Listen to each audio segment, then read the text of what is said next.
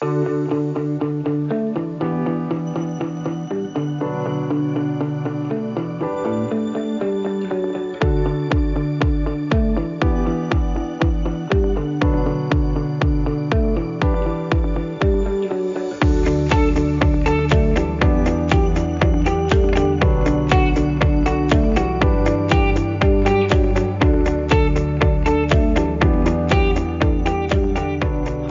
allihopa som eh, älskar innebandy ute i huvudstaden och varmt välkomna till ett nytt avsnitt av Innebandy Stockholm podcasten. Det blir ju avsnitt för, nummer 45 i ordningen.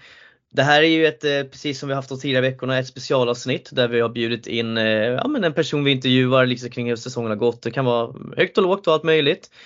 Förra veckan så bjöd vi på en, eh, ett avsnitt med eh, Göteborgs tränarna Oskar Sarnovecki och Mikael Bernvid som pratade om Jasen och deras struktur och hur de har jobbat borta i det distriktet.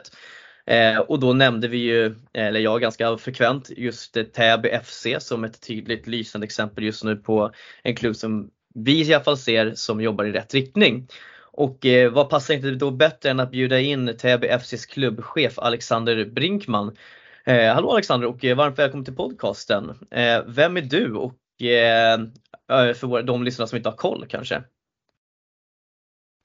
Hej Henrik, tack så mycket. Eh, ja, men jag är eh, innebandyarbetare har jag väl blivit i mångt och mycket. 33 år gammal. sambo och pappa är jag väl också.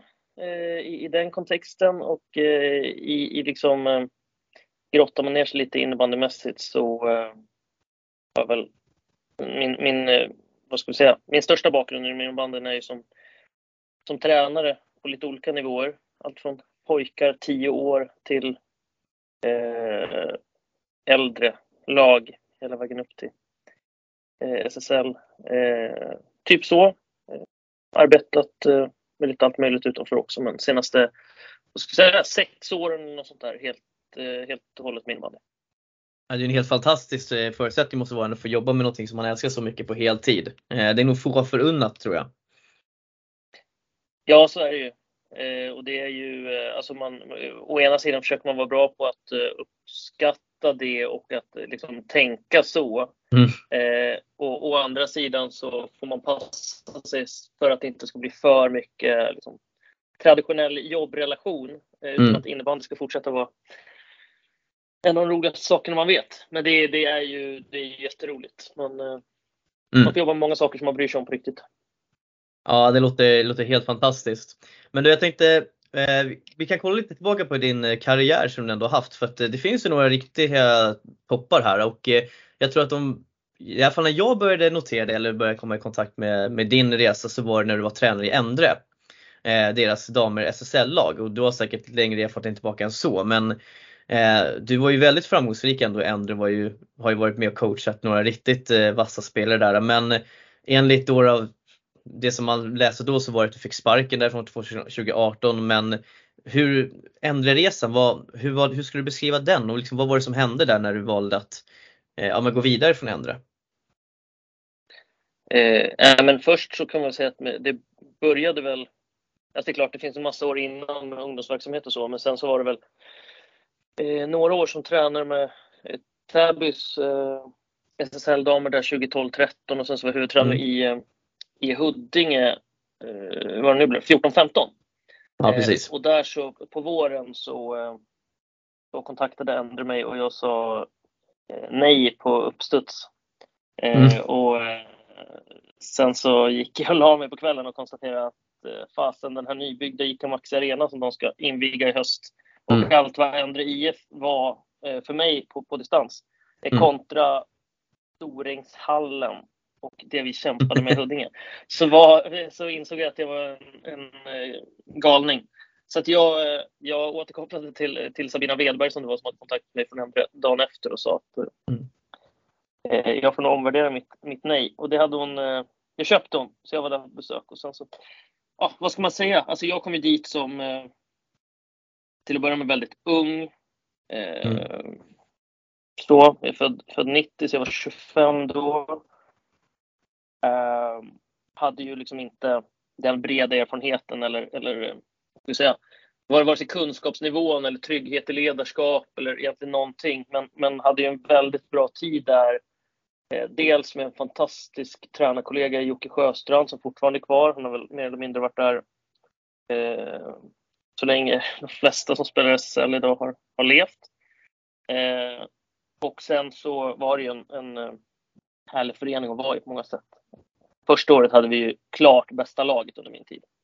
Vi hade ju eh, vi, vi gick till semifinal, åkte visserligen ut med 3-0, men det var sadden och det var straffar mot Pixbo som sen vann på Tele2.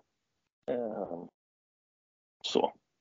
Så att vi, eh, vi hade väldigt bra lag med, med grymma spelare och sen så fick vi bygga om lite grann ganska tidigt. Mm.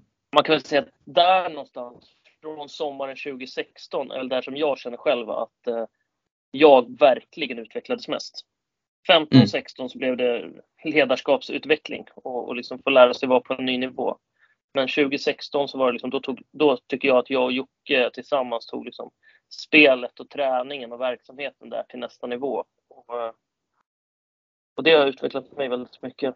Eh, sen blev vi liksom aldrig bättre än, eh, än, eh, än semifinal. Vi blev aldrig bättre än fyra i serien mm. och till slut när sommaren 2018 så spände vi väl bågen lite grann. Det är väl inget som Endre brukar göra, så utan det är ganska försiktigt mm. framåt.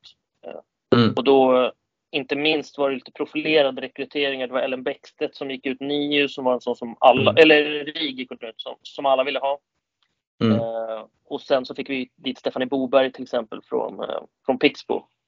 Som var ja, liksom etablerad landslagsspelare det hade ju liksom aldrig hänt. Så att, från det och sen så lossnade det aldrig riktigt.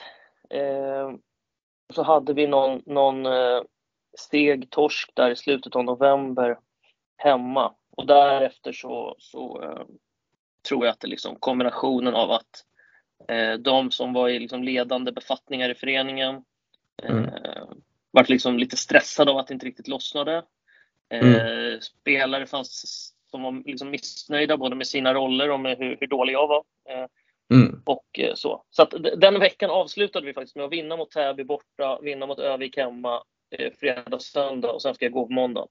Eh, ja. Det var ju bara att eh, eh tugga i sig. Eh, men då hade jag gjort tre och ett halvt år där så det var väl, det var väl dags. Ja men precis. Eh, och sen så, om jag inte missminner mig så vet jag att Täby gick igenom en tuff period där en bit efter och att eh, du var på tapeten att ta över dem eh, också. Men sen vart det ju inte så utan du gick ju till eh, Kalmarsund och där du började ta deras herrar eh, som eh, uppe i SSL då och det var väl kanske här som du fick också ett väldigt stort eh, renommé som tränare också i och med att du 2021 var, vann årets tränare tror jag också. Eh, den säsongen. Ni åkte ut i semifinal mot Falun om jag inte missminner mig 2021. Eh, var det, det var pandemisäsongen va? Ja, så vi Eh, ja, om man börjar med slutet så kan man säga att vi eh, var ju semifinal mot Falun. Låg mm. under med 3-0 i matcher och sen vann vi match 4 på bortaplan. Mm. Eh, och sen när de skulle komma och spela match 5 hos oss så annonserade de att de hade covidfall i truppen. Mm. vi satt på ett, ett möte och jag bara kollade på de andra och tänkte att vi är nog fasen i final. För de mm. lär inte kunna spela mer. Eh, men vi sa att innan vi åker till Gävle och spelar final mot Storvreta så eh, måste vi testa igenom truppen. va? Mm. Säkerställa att vi inte har någon covidfall. Mm. Eh, och jag var nummer sex på plats att gå och testa mig och jag var nummer sex att vara positiv. Mm. Så det var inte så kul. Så vi hade, vi hade ett gäng covidfall och det var vi som fick kasta in handduken istället. De flyttade i finalen där. Mm, jag kommer ihåg det. Ja, det, var mycket, det var mycket snark i media om det där, den fadäsen också kan man väl säga. Eh, och ja, det var väl både svängar om att de flyttar finalen fram den, liksom, det är ändå tomma läktare. Eh, men kan man ha ett, ändå speldatum? Men det, jag vet att det var massor med olika saker. Så här. Jag tycker alltid, det känns som att eh, det är alltid tråkigt när det blir den typen av segrar när man inte, när man inte får spela om det helt enkelt. Eh, ni hade ju vunnit den här matchen också och gjorde ju en väldigt bra sista match om jag inte missminner mig. Jag tror ni hade väl ändå varit ganska bra med de andra tre matcherna också om ni hade förlorat i den serien. Så att, eh, eh, det var ju lite synd. Verkligen, man måste verkligen säga så. Ja, nej, men så var det. Och vi hade ju en, vi hade ju en, eh, Alltså vi hade ju en ruggig säsong. Jag, jag, så här, Mm. Min känsla var ju verkligen att Falun var ju för starka för oss i semifinalen. Det var uddamålet, det var sadden, men de var liksom Mm. hela tiden numret större än oss. Mm. Och de hade, de hade bättre spelare, de hade, eh, får jag säga, definitivt bättre tränare. Det var, eh, Ja. det var faktiskt, skulle jag säga, med, med all respekt för alla andra tränare man har mött, men när man mötte Thomas Brottman fyra matcher på åtta dagar så kände man att eh, somliga har kommit långt. Så det var kul, Mm. han var duktig. Ja. Eh, och, eh, men, men vi slutade ju tvåa i grundserien. Vi slutade ju före eh, Falun i grundserien då. Det var därför vi hade hemfördel i semifinalen. Eh, Och Precis. det är klart att det var vår tredje säsong i SSL. Min andra med Kalmarsund och vi slutade tvåa i grundserien och rök i semin på det där sättet. Det var ju... Eh, vi recenserade oss själva med ganska gott betyg.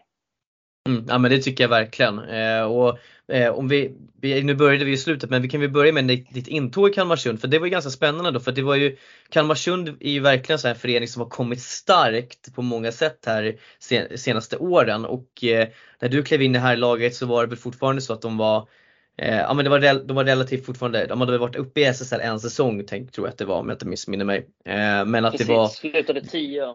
Ja precis, men har ju verkligen liksom kommit, kommit upp i publikunderlag. Eh, ja men ändå e- ekonomiska förutsättningar i upplevelsen utifrån i alla fall. Och hur gick tanken när du fick frågan av Kalmarsund?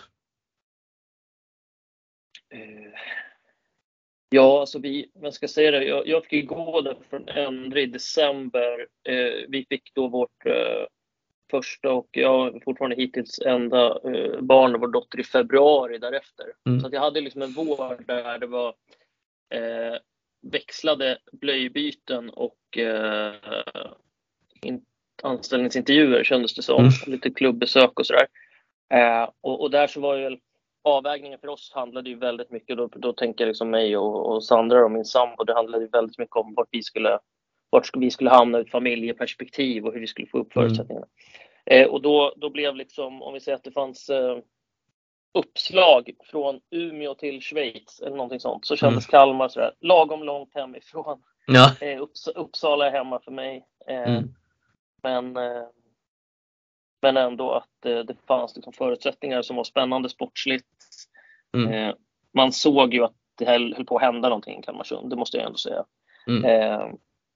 Och sen så, eh, ja men också att det fanns förutsättningar. Så jag flyttade dit och jobbade heltid i Kalmarsund med stor vikt på att vara tränare för SSL-herrarna och det är ju inte det är ju inte alla som har den möjligheten. Så det var ju också en faktor såklart. Och hur kändes det? Alltså du går ändå från damer i SSL till herrar i SSL. Alltså hur, hur gick, fungerade den övergången? Alltså, jag skulle säga att jag trodde nog på förhand att det skulle vara större skillnad på fler fronter utifrån att bara Mm. när man tittar på, på en innebandymatch med herrarna så går det ju liksom, det går ju snabbare såklart. Ja. Eh, men jag skulle säga att den största skillnaden i början, det var nog känslan av att gå från ett topp 4-lag till att gå till ett lag som hade slutat 10. Mm. Rent, alltså, och som hade gjort ett år i SSL, andra hade gjort 15 eller något sånt där. Ja. Och det kändes ju, om man, man brukar prata om oss liksom, i väggarna eller alltså, men, men när, man, så, när man pratade med spelare, ledare, klubbledning, styrelse, publik. Eh, så var det ju, det var, det var mycket färsk, allt var mycket färskare. Eh, på, till viss del på gott och ont, men, men eh, det var liksom mycket högre, ska vi säga, eh, alltså kulturen för att ta sig till toppen hade vi mycket mer att jobba på Mm. Kalmarsund än vad, vad det var i Endre. Det, var- det var mer saker som liksom gick eh, av sig själv i Endre. Mm. Eh, så att det var nästan den största skillnaden snarare än liksom någon herr och damskillnad eller sådär. Eh, Mm. Sen, ja, nej, det, det var väl eh, det nästan det jag skulle säga som den största skillnaden. Ja, eh, men sen efter den där säsongen 2021 då, då så eh, valde du att eh, ta en annan roll i Kalmarsund, näm- nämligen som operativ sportchef för damverksamheten som där Kalmarsund ännu mer ville liksom kliva framåt, de ville dra upp sitt damlag SSL. Du fick in eh, profiler som Mårköp och Matilda Sjödin till exempel. Eh, alltså vad, hur gick tanken där? För jag tänker att ändå att gå från att vara du har precis blivit årets tränare eh, och sen till att gå till att inte vara tränare längre utan köra sportchefsjobbet. För hur, vad kände du kring den biten? Men det beslutet tog vi ju egentligen redan hösten eh, vad blir det, hösten 2020. Säger jag rätt då? Mm. Ja. Eh, och vi hade spelat tio matcher i grundserien där och jag och klubbchefen där, Pelle Wiberg, eh, Mm. vi hade väl en dialog hela tiden. Dels från början, jag kom ju från damsidan liksom, vilket gjorde Mm. att eh, vi, vi hade ju hela tiden en dialog om att den, den tiden Mm. kunde komma. Och sen så fanns det ju, det var ju en, en kombination av flera saker. Dels att det var liksom timing med eh, ekonomi, våran spelartrupp, potentiella rekryteringar, Mm. läget i vår förening. Vi hade tagit upp herrarna på en nivå att vi eh, liksom etapp ett var gjord där och det fanns liksom gott hopp om att till exempel Viktor Gustafsson som var assisterande till mig då som är huvudtränare nu kunde, kunde utveckla det. Mm. Samtidigt som det var ju också en period när Niklas Nordén var ju kandidat att kunna komma in. Det var innan han blev förbundskapten ju. Eh, Mm. Vill jag ha det till.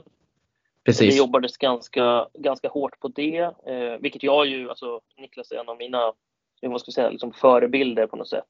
Och då, Mm. det såg ju jag också väldigt positivt på och jag trodde att Kalmarsund skulle bli ett mycket bättre lag med honom istället för mig. Mm. Eh, så, så någonstans i det helhetspusslet så, så, eh, så var det ju där vi landade i dialogen i, redan i december. Så jag tror att vi hade typ så här, efter tio omgångar tror jag att vi hade vunnit tio eller vunnit nio Mm. matcher och låg i toppen på SSL. Men då, då presenterade vi det redan då. Mm. Eh, och för damerna så var det också så att de spelade i allsvenskan. Säsongen hade ju eh, stängt ner. Det var liksom det som kallades andra vågen där på hösten. Ja, med, med, med covid. Så att det spelades ju fem omgångar eller något sånt där. Och, och Mm. damerna var ju verkligen i ett, eh, alltså det var ett riktigt deppigt vakuum. Man visste inte om man skulle Mm. få träna eller inte. Spela skulle man definitivt inte få göra.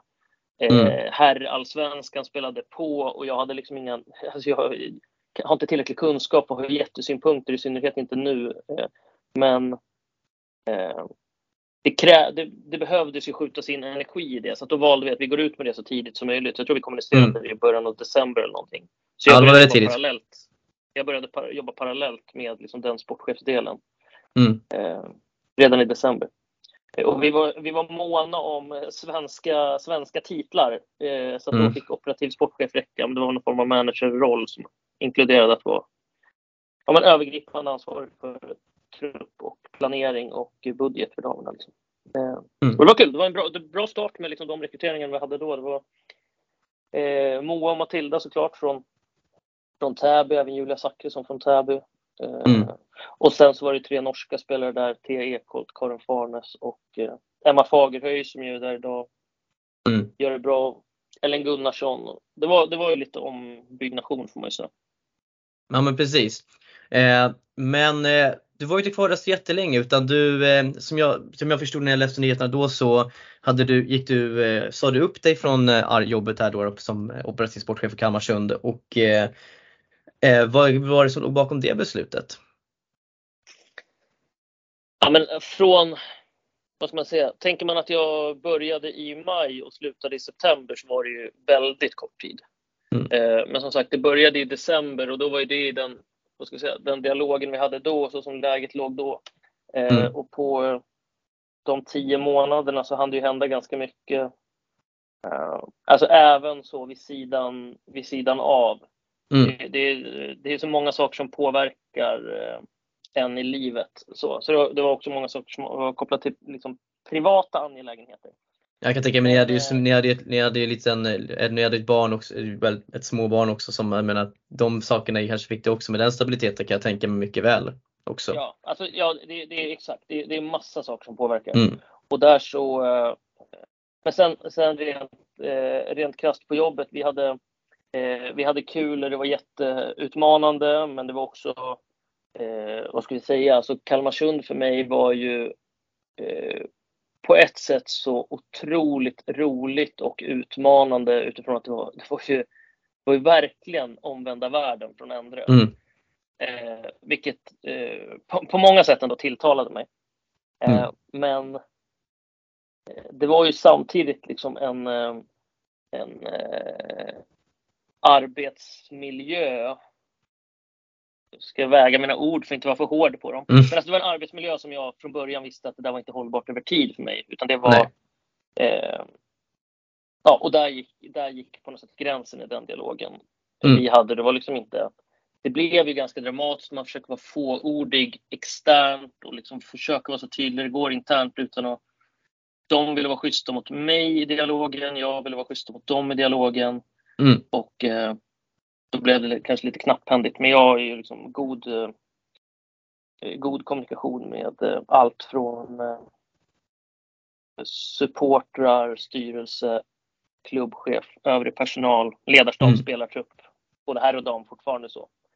Eh, så mm. det, Ja, men det där är viktigt. Jag tycker att när det blir sånt där, jag tycker kanske att det är bra att det inte blir för mycket information heller ut så det inte blir onödiga spekulationer egentligen om att ha men det och det och det utan just de här, jag tänker de här relationerna också är viktiga att vårda. Eh, så att det, jag tycker ändå att det var, det var väl ändå fullt rimligt ändå att det inte var så mycket, väldigt sparsmakat med information när eh, ni valde att gå skilda vägar tänker jag.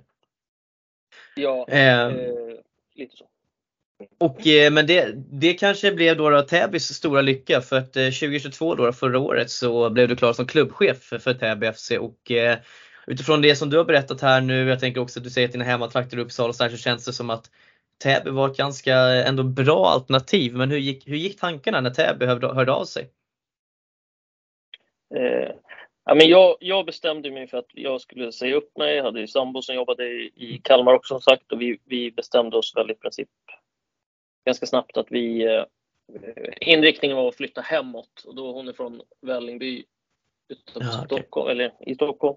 Mm. Eh, och jag är från Storvreta utanför Uppsala. Så vår, vi hade, gjorde väl någon form av cirkel uppe i eh, östra mm. Svealand mm. dit det var okej att flytta. Så.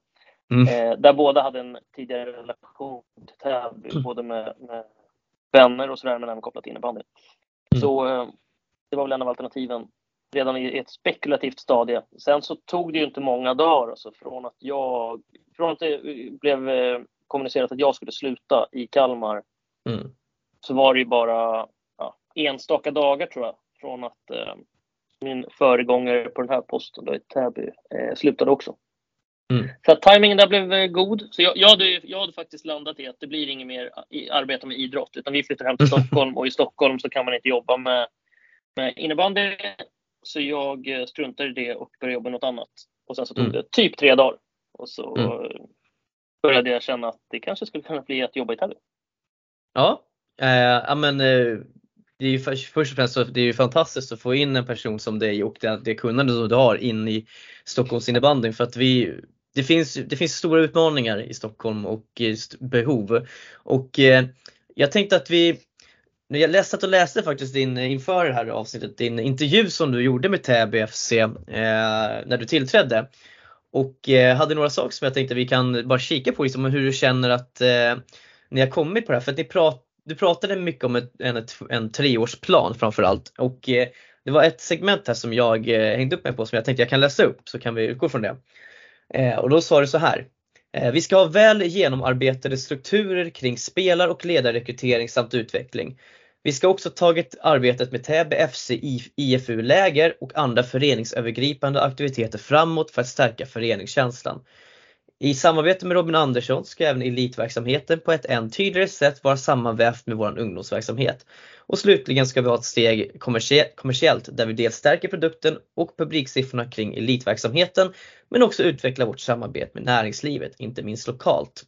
Ehm, och det här, det här segmentet tycker jag är väldigt spännande för att det känns som att ni har kommit på en väldigt eh, god väg på många av de här sakerna redan efter ett år. Egentligen. Ehm, och eh, jag tänker att ni, Täby är, jag tror utan att säga det, det är väl världens största innebandyförening eh, sett till antal medlemmar och spelare. Och eh, hur skulle du säga att spelar och ledarrekryteringen har förändrats sedan du tillträdde? Eh, Ja du. Eh, till att börja med ska jag säga för att vi, vi får bassning ibland för att vi säger att vi är störst. Vi har slutat säga det. Är det Viking är ju tydligen otroligt mycket större än oss när det mm. gäller medlemmar. Och sen så är det väl också lite sammanslagningar i Stockholmsområdet nu som gör att vi kanske till och med blir nerpetade både i Stockholm och Sverige. Men det är inte, vi har liksom ingen affärsidé eller verksamhetsidé att vara, att vara störst i världen. Så det, det är inget som svär jättemycket. Men jag vill föra det till protokollet så ingen, eh, eh ja, så alla vet det.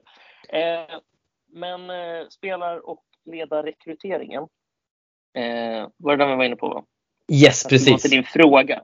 Ja, nej, men om, man, om man börjar med, med ledarrekryteringen så är det egentligen i två delar. En är ju kopplat till hur vi introducerar nya ledare i föreningen, alltså på de yngsta lagen. Och där så har vi eh, gjort ett arbete i år där vi har försökt att bredda lite vår syn på vad ledare i vår ungdom, ungdomsverksamhet är för någonting. Eh, hårdrar man det, vilket är lätt att göra ibland när man ska förklara saker, så eh, blir ju många ungdomslag ledartillsatta genom att eh, 12 föräldrar stängs in i ett omklädningsrum första träningen. Man väntar på att någon, gärna pappa som har spelat ishockey eller fotboll, räcker upp handen och säger att han kan ta det, kanske tillsammans med en annan pappa. Och sen så tränar de en gång i veckan och sen så börjar de träna två gånger i veckan och så börjar de träna tre gånger i veckan och en match blir tre matcher. Mm. Och så har barnen blivit 15-16 år och samma föräldrar står kvar och har liksom eh, kanske heller inte haft möjlighet att, att hoppa av längs vägen utan det ställs otroligt höga krav på personer som från början bara vill hjälpa till för att det skulle finnas en, en ungdomsverksamhet. Så, mm. så det har vi försökt bredda. Dels, alltså vi har velat få med eh, vad ska vi säga, breddat synen på vad det är för typ av roller som vi, vi eh, ja, vill ha in helt enkelt. Mm. Eh, så där, där har vi blivit lite bredare. Det är ganska stor skillnad. Vi har, vi har haft lite mer eh, starkare vad ska jag säga, onboardingprocess in i föreningen. Mm. Sen när det gäller på liksom, högre upp i åldrarna där det är ganska ofta liksom headhunting, rekrytering, så hoppas jag att vi redan nu är bättre Alltså så här, det, det ger ju inte effekt på en gång, så man får ju se. Eh, jag har varit här ett och ett halvt år. Men, men vi arbetar, försöker utveckla liksom arbetet med att ta eh, referenser på ett bra sätt, vilket eh, ibland kan vara lurigt också inom, inom eh, idrotten. Man liksom, den enda referensen man kan ta ibland är ju föreningen som man försöker eh, ska säga, stjäla en ledare ifrån. Ja, precis. Eh, vilket, vilket också, det, den typen av liksom, nyanser i rekrytering kan bli lurigt. Men, men jag tror referenser och att liksom genomarbeta de eh, processerna med ledarna, att, att ses fler gånger, att utsätta dem, eller utsätta dem, men att, att, att genomlysa med fler liksom, perspektiv på, på diskussionen redan innan man börjar hos oss. Mm. Där skulle jag säga att där har vi, där har vi utvecklat. Ja, men spännande och jag tänker att eh, hur ser Täby på det här? Man pratar mycket, vi, och vi har tidigare också gjort det, pratat om det här med föräldratränare. Eh, ofta så är man i innebandy är ju väldigt, vi är väldigt beroende av de här föräldratränarna för det, väldigt lång tid. För att det, tyvärr så finns det ju inte många ideella ledare eh, heller, eller i alla fall ledare som inte är föräldrar i de här yngre åldrarna. Eh, och eh, det man pratar mycket om är att när man kommer upp på tävlingsnivå, alltså svart nivå, vi pratar ju, här junior, dam, junior, att man då vill helst inte vill ha föräldratränare i, eh, i, den, i spelargruppen för att det det skapar ändå man måste få vara ärlig att det skapar osämja och det skapar alltid frågor om favoriseringar även om det kanske inte alltid är så i, vissa fall så kommer den diskussionen alltid att finnas vilket är fokus. Eh, men hur ser Täby FC på, på den här biten? Eh, ja men dels så vi bärs ju av våra just nu 277 ideella ledare så att det är ju eh, vi hade ju liksom inte kunnat eh, bedriva någon verksamhet utan dem. Och det är ju det är såna här oersättliga och oräkneliga timmar som läggs. Mm. Att, eh, och det tycker jag också att vi har väldigt många ledare som är eh, vad ska vi säga, alltså som är utvecklingsbenägna, som är med från start med yngre lag, men som också ja, men både utbildar sig men även förkovrar sig på andra sätt och är med i utbyte med, med andra träningsgrupper och kollar mm. A-lagsmatcher och, och diskuterar innebandy med mig eller Bigge som tränar våra damallsvenska lag, Micke Öhman i, i herrarna, eh, Marman mm. Abdallah och Rickard Welsmo i, i damerna, Robin Andersson som är sportchef. Alltså vi har ju någon form av eh, konstant dialog där är, jag, jag, tror att det är många som känner att man kan utvecklas som ledare. Och, mm. och, och, där tycker jag ibland att man blir lite för eh, att, att diskussionen kan bli lite snäv, att det blir som att föräldraledare inte ska vara med. Jag, jag är inte av vare sig den skolan eller av den åsikten nu, utan Eh, den, den, stora skillnaden man kan göra, det är väl lite som du säger med, om vi pratar liksom, om vi kallar det för favorisering eller så här, så, så är det ju att jag kanske gör en skillnad på typ coachning och matchning, vilket brukar vara mina två sätt att se på det när det kommer till matchsituationer. Och då ja. är liksom match, matchning för mig är säga, personaltillsättning. Vilka ska vara inne när? Mm. Eh, och det tänker jag, där kan det vara bra att ha någon eh, mer neutral person. Eh, men sen så tror jag med coachning så tänker jag då vill vi bara ha så mycket innebandykompetens som möjligt. Precis. Och kan vi tillsätta, alltså som vi har byggt upp det nu, vi kommer väl till det, men som vi har byggt upp våra ledargrupper nu för våra ska säga, äldre tonåringar, så mm. är det med eh, ansvariga tränare som är eh, liksom extern art. Eh, mm. och sen så eh, försöker vi fylla ledargrupperna med så mycket kompetens som möjligt. Och om de är eh, föräldrar eller icke, det, det är eh, vad ska jag säga, i, i de flesta roller ovidkommande.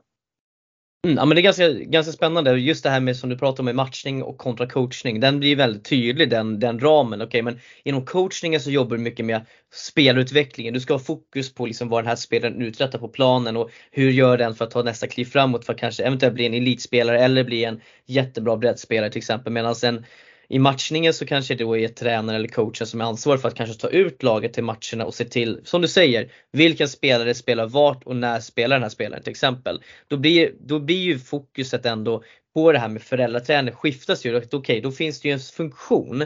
Även om du är förälder så är det okej, okay, du ser det som att du är en individuell coach eller du är en lagcoach men du har liksom inte själva matchningsbiten och då någonstans så faller ju det här favorit, favoriseringen lite ur ramen någonstans kan jag tänka mig. Eh, och det låter ju ändå Absolut. som en väldigt sund idé. Ja, och, alltså, vi hoppas ju det. Och, och, samtidigt kan man säga att även coachningen så utifrån lite vilken kompetensnivå man har så delar vi upp den också ganska tydligt. Och nu blir det här mm. väldigt så här, tidsenliga begrepp. Men, men jag mm. tycker de är enkla att använda. Och där så blir det ju att en sak är ju, eh, vad ska jag säga, vi har ju ett antal önskade beteenden i spelet. Mm. Eh, och, och sen så kan man ju liksom få feedback på själva utförandet. Mm. Och där så är väl också min tes att i princip vilken ledare som helst kan ju ge eh, positiv feedback på ett önskat beteende. Mm. Och det kan ju vara en, en, en, lagledare eller materialare eller, eller tränare eller till och med en, en vad ska vi säga, eh, välintroducerad publik. Den mm. kan ju också veta att idag fokuserar vi på att spela bollen framåt. Eh, ja. Vilket vi ofta fokuserar på. Och det är så här, varje gång någon försöker spela bollen framåt, då kan ju den mm. få beröm av vem som helst, gärna lagkamrater också. Då blir, mm. då, blir de coacher. Eh, sen så kommer man ner på liksom det, det, det liksom utförandet, tekniskt, taktiskt, fysiskt. Eh, där så behöver man ju en viss kompetens för att kunna eh, liksom komma med tips och tricks, kunna eh, mm. designa mm. övningar som gör att man lär sig att göra ännu bättre och sådär. Men, men det är först då som man behöver liksom expertisen. Precis. Och där tror jag att, att liksom jobba med den här uppmuntran på att vi gör rätt saker, det vill jag gärna att alla ledare och alla som är i hela lokalen gör. Står man i kafeterian mm. får man gärna jubla när vi gör det vi ska. Liksom. Ja. ja, men det låter som, ändå som ett, ett sunt upplägg tänker jag och känns som att det finns en tydlig struktur. Och jag tänker om man tittar på spelarrekryteringar och dylikt, eh, lite kort bara men eh, Täby FC är ju en väldigt stor förening som sagt. Jag kan tänka mig att det är ganska mycket spelare på som kommer in men också som kanske går ut just för att ja, men det är stort, det är många åldersgrupper. Eh, finns det tillräckligt med serier för att ge alla spelet? Ja men de här bitarna. Men hur, hur funkar det liksom? Hur, hur, att vara spelare i Täby FC, vad, vad, kan man förvänta sig och liksom vad, ja, men vad, vad, är, vad är Täby FC för en spelare som spelar där? Ja, men, och där försöker vi verkligen att eh, förnya och utveckla för att vi, eh, liksom utvärderingen som har gjorts den här säsongen är att det inte, är tillräckligt, det har inte varit tillräckligt bra. Mm. Eh, och det är framförallt, vad ska jag säga, ju äldre man blir. Mm. Eh, från början så är vi ju, liksom, vi startar upp jättemånga grupper per årskull.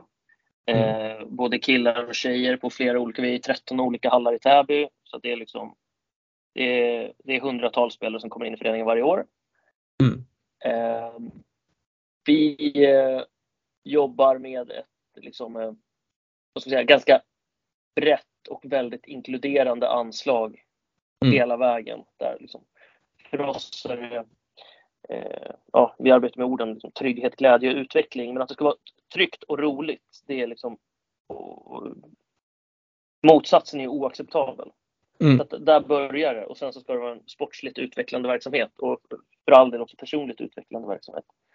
Så mm. att, eh, det, det, är det man kan förvänta sig i första rummet. Sen så eh, stegrar vi den verksamheten med liksom möjlighet till mer innebandy ju äldre man blir. Eh, och, och, det är väl där som vi har eh, vad ska jag säga, utvecklat arbetet lite utvecklat arbetet lite framöver, även kopplat till det jag sa med, med, med ledare som räcker upp handen mm. när, man är, när barnen är sex år och sen bara får åka med eh, mm. tio år. Eh, och då har vi gjort så att vi, vi avgränsar allt det som hittills kallas för, kallar vi för basverksamhet eh, mm. från nu, första maj. Eh, och där kan man säga att där går vi inte upp till mer än två pass i veckan och rekommendationen är att anmäla sig till serier för att få en match i veckan. Så att liksom, eh, där kan man säga att det är vår basverksamhet. Sen mm. så från 11 år så finns det möjlighet att göra tillval med ytterligare träning eh, på individnivå än så länge. Vi, vi håller på och, arbeta på det. Men, eh, så att man kan lägga på ett, ett tredje pass i veckan. Eh, mm. Då blir det med annan tränare, så då ökar inte det liksom belastningen på föräldrar och tränare till exempel. Mm.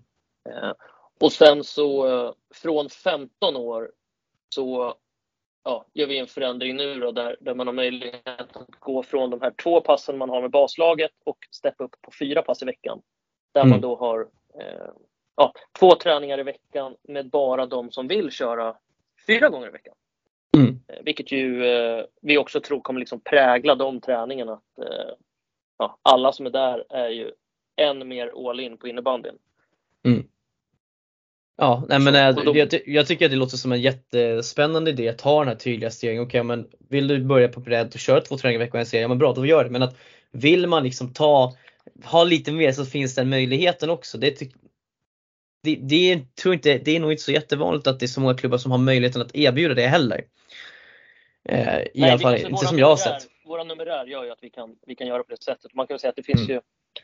ju, eh, som sagt, vi återkommer säkert till det, men, men det finns mm. ju finns en mängd argument bakom det där. Och, eh, en, en sak ytterligare som blir en tydlig skillnad vi gör nu är att tidigare så har våra 16-åringar per automatik gått upp i ett liksom juniorsegment. Mm. Vilket har gjort att vi har haft, eh, om man säger, det finns ju alltid kanske några juniorer som hänger kvar även så att säga HJ19, DJ19 året. Men mm. generellt mm. så är det ju många som liksom växer ur någon form av juniornivå när man är, går förbi, ja, ska vi säga JAS ålder, eh, ja. men efter man är 18. Och där så, där så har vi tidigare haft 16, 17 och 18-åringarna i samma eh, stora massa och för oss så blir det ärligt talat en jävla massa spelare. Mm. Eh, och där så, där så eh, gör vi så nu att vi har liksom en, tydligare, en tydligare gräns där 17 och 18-åringarna är generellt i juniorverksamheten. Eh, 15 och 16-åringarna är i det som vi kallar för liksom U16 där det blir tydligare att man är, man är kvar med sin basverksamhet ett år in på, eh, på gymnasietiden till exempel. Mm. Eh, man, eh, ja, det är många som ökar sin belastning där i alla fall, både, både i skolan men även med träning, med nio och sådär. Så där tror vi att det är mm. bra att, eh, att ta liksom ett steg i taget.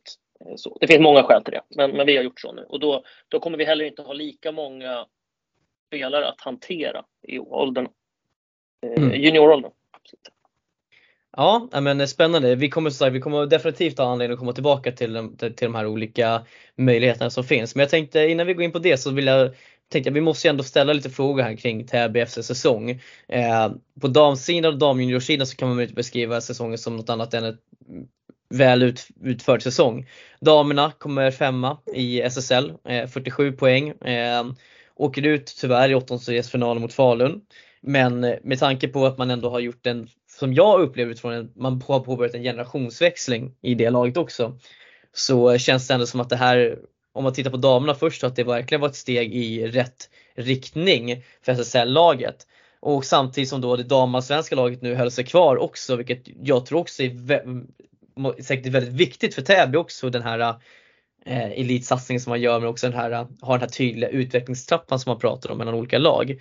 Eh, om vi börjar med dam, damsäsongen, alltså damallsvenskan och eh, SSL framförallt då, då, hur ser du på den? Ja men eh, SSL, det är verkligen som du säger, det är ett stort steg framåt. Eh, efter ett, en fjolårssäsong där många upplevde att det var ett, ett, eh, ett för stort steg bakåt. Liksom. Det var ju en missräkning när vi slutade tia och missade slutspel. Mm. Så att det gjordes ju en, en kraftsamling både, både liksom från eh, sportchef Robin Anderssons sida att liksom tillsätta en, en trupp som var starkare, för det var inte tillräckligt bra. Mm. Eh, och, och, även förstärka på, på ledarsidan. Så eh, Maimon och eh, Maimon Abdallah som då var tränare även året innan och har varit i föreningen länge. Eh, de fick förstärkning vid sidan av sig med Rickard Welsmo från eh, Salem som, mm. gjorde, som gjort jättebra jobb. Eh, och jag tror de liksom tillsammans har, det har blivit bra. Eh, och sen så såklart spelare som har kommit in och varit duktiga. Så den, den säsongen är ju stabil och bra. Vi, vi ville ha mer.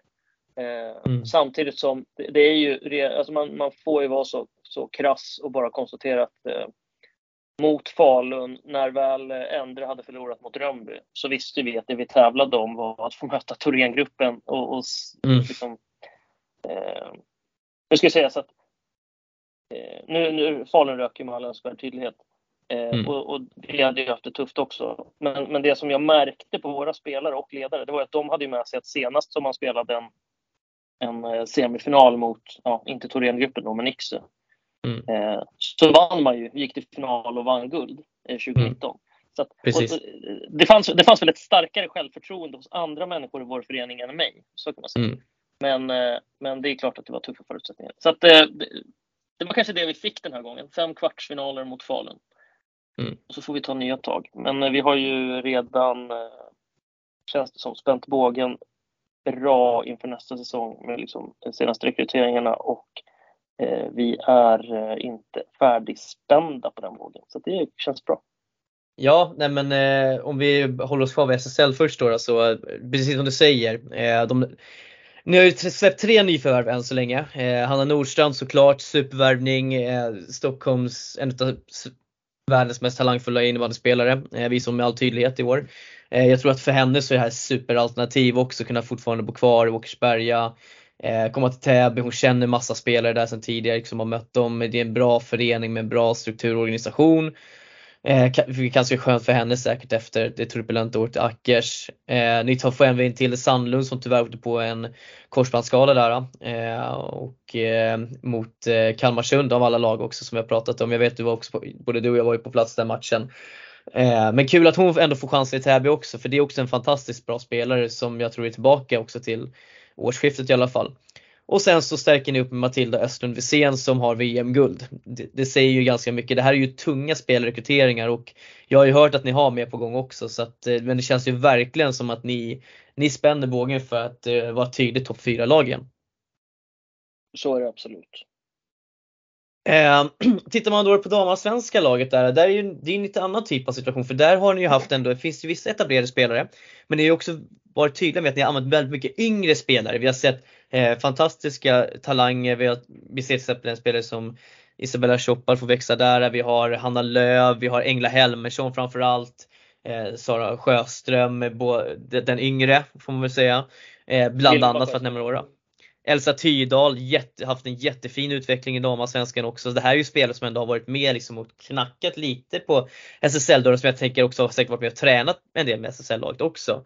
Eh, hur ser du på deras säsong och liksom och vad, eh, vad, vad, hur ser du på det här damallsvenska laget framledes? Eh, ja, men alltså vi, det, det, de gör ju en stark säsong. Vi, eh, vad ska man säga, när, när när det, blir, det, blir, det blir också ofta präglat av människor också. Där kan man säga att när vi fick in, det var innan jag kom hit, med Figge Olsson då som var mm. Eh, Fredrik Olsson står det väl om man läser Ibis. Men de flesta ingen vet, var... ingen vet vem han är då. Alla säger Figge Nej, då. exakt, exakt.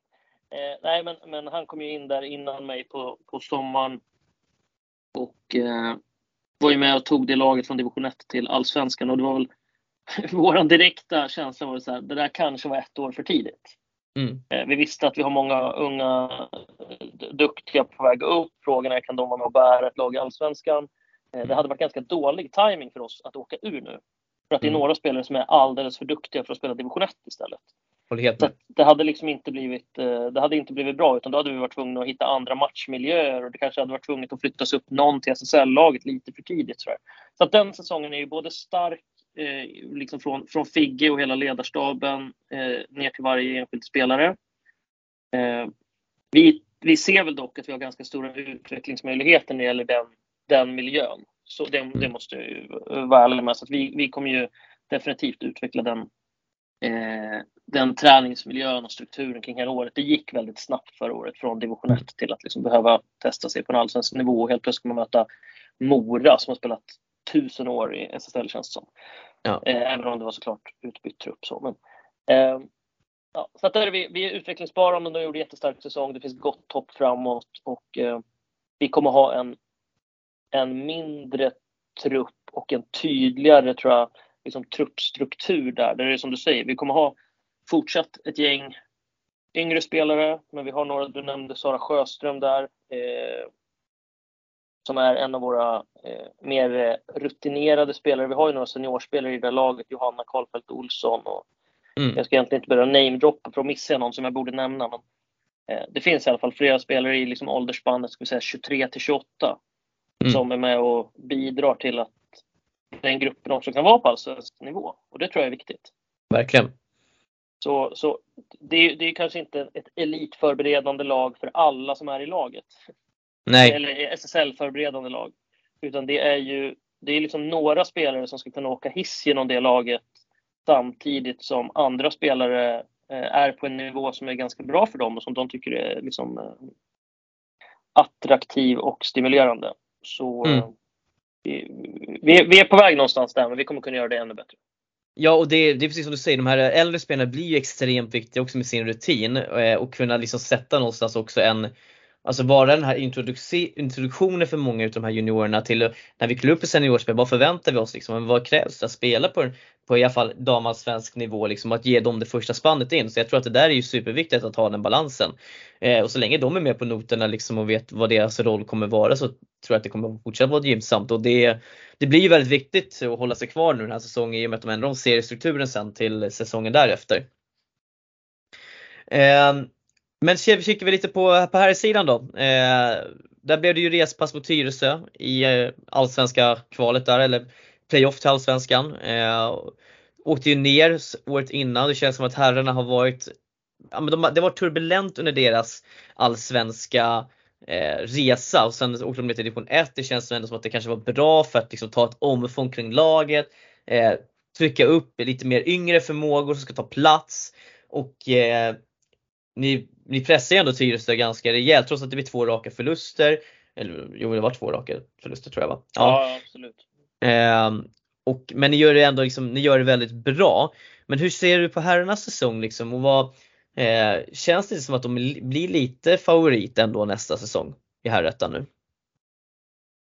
Eh, ja, men om man börjar med att ta backspegeln så, eh, så känns det som att vi har haft en och en halv säsong nu med, alltså sen Micke Öhman kom in som tränare i mitten på den allsvenska säsongen när vi åkte ur. Mm. Då hade vi liksom, jag kommer inte ihåg om det var fyra poäng eller någonting i den, den häraden efter mer än halva säsongen.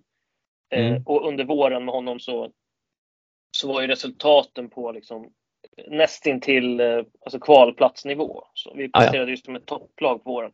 Och sen var det något olyckligt resultat på våren. Jag tror att det var Hudik borta och kanske någon till som var liksom missräkningar. Mm. Eh, men, men det var ju väldigt nära att rädda ett liksom helt dött läge.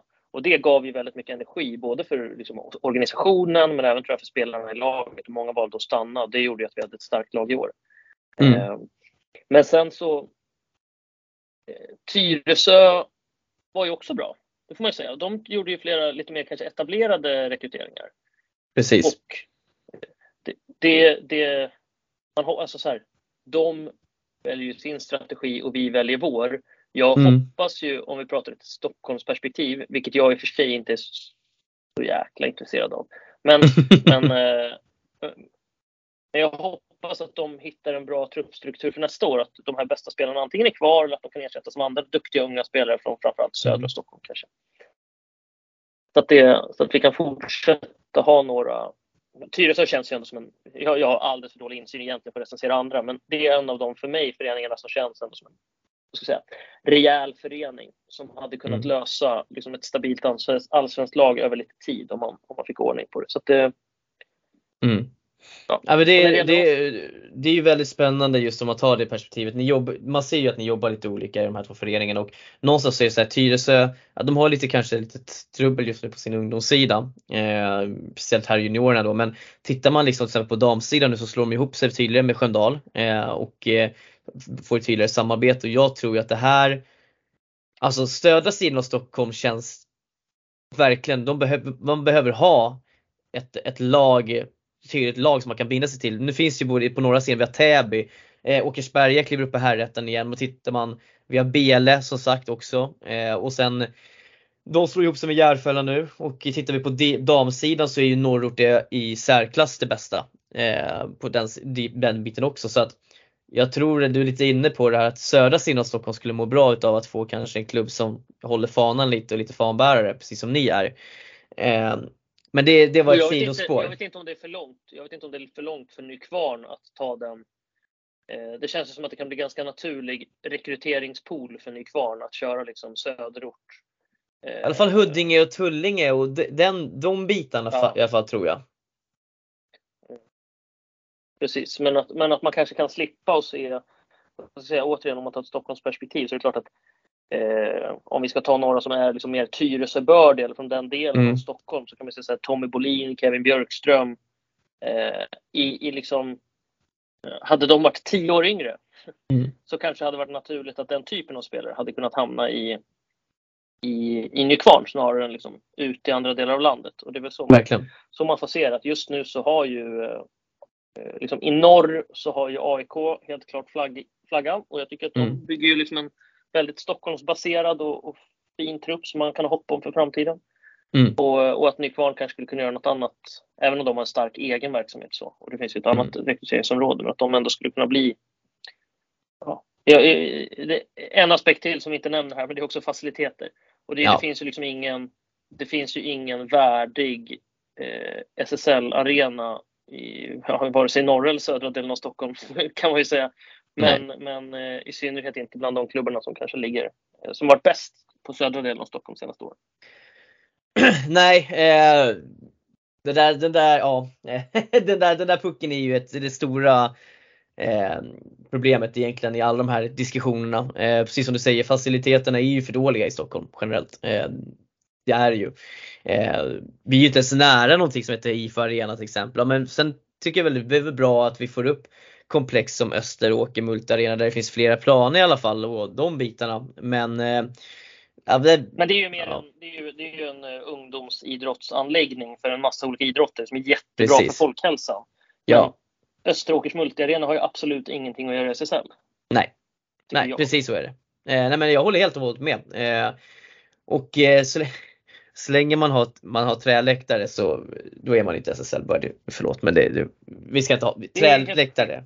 Eh, är, uh, men, jag är från Uppsala ju och eh, mm. tänker Allianshallen för er som oh. varit där på den tiden.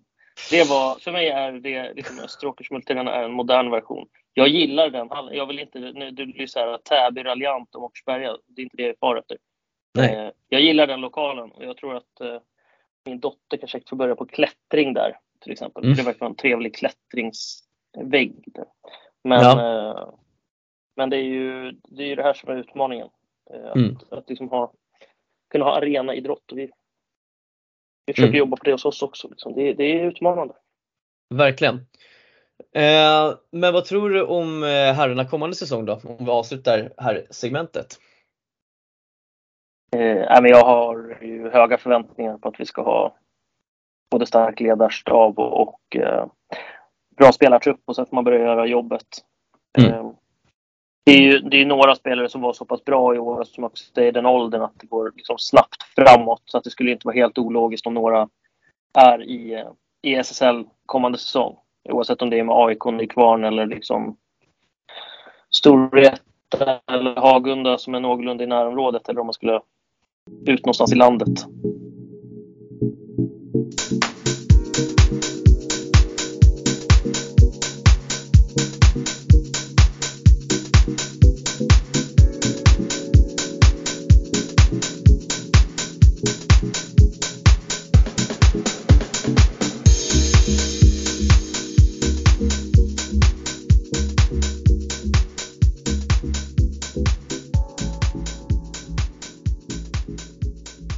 Eh, jag tycker vi, vi, eh, vi gör ett samlande eh, koll, koll på juniorsidan. Eh, vi tänk, om vi börjar med DRJ, ändå en väldigt, väldigt bra säsong. Eh, ni vinner USM med, eh, jag, jag, väljer att ta in USM i DJ i det här fallet också. Eh, och eh, tar ett guld där eh, på ett väldigt eh, lekfullt sätt höll jag nästan på att säga. Nej, men, med jätteduktig 06-kull. ni har JASen, ni går obesegrade genom JAS-seriespelet vilket också är fantastiskt. Eh, ni kommer nion, på nionde plats i eh, festen, eh, vilket vi pratade lite om för några veckor sedan. Liksom, men det är fortfarande ändå ett guldtagbart resultat med den åldersstrukturen som finns på Täbys lag där också jämfört med övriga Sverige. Eh, DJ-serierna så är ni ju tokdominanta eh, och även om DJ Stockholms-serie kanske inte man kan säga som, som jättemåttstock i alla fall just nu. Eh, det kommer säkert bli bättre framledes men Eh, om vi börjar med DJ-sidan ändå så känns det som att där har ni ändå haft en väldigt, väldigt fin säsong. Absolut. Och där, eh, alltså, och då, om vi pratar, i synnerhet om vi pratar liksom resultat och utbytet mot seniorserier. Eh, mm. Nationella tävlingarna så är det ju inget annat att säga än att det varit väldigt bra. Eh, mm. där, där ligger ju våran utmaning i hur vi kan eh, liksom balansera belastningen för de som är längst fram. Vi har haft några spelare som har spelat otroligt mycket matcher på väldigt många olika nivåer.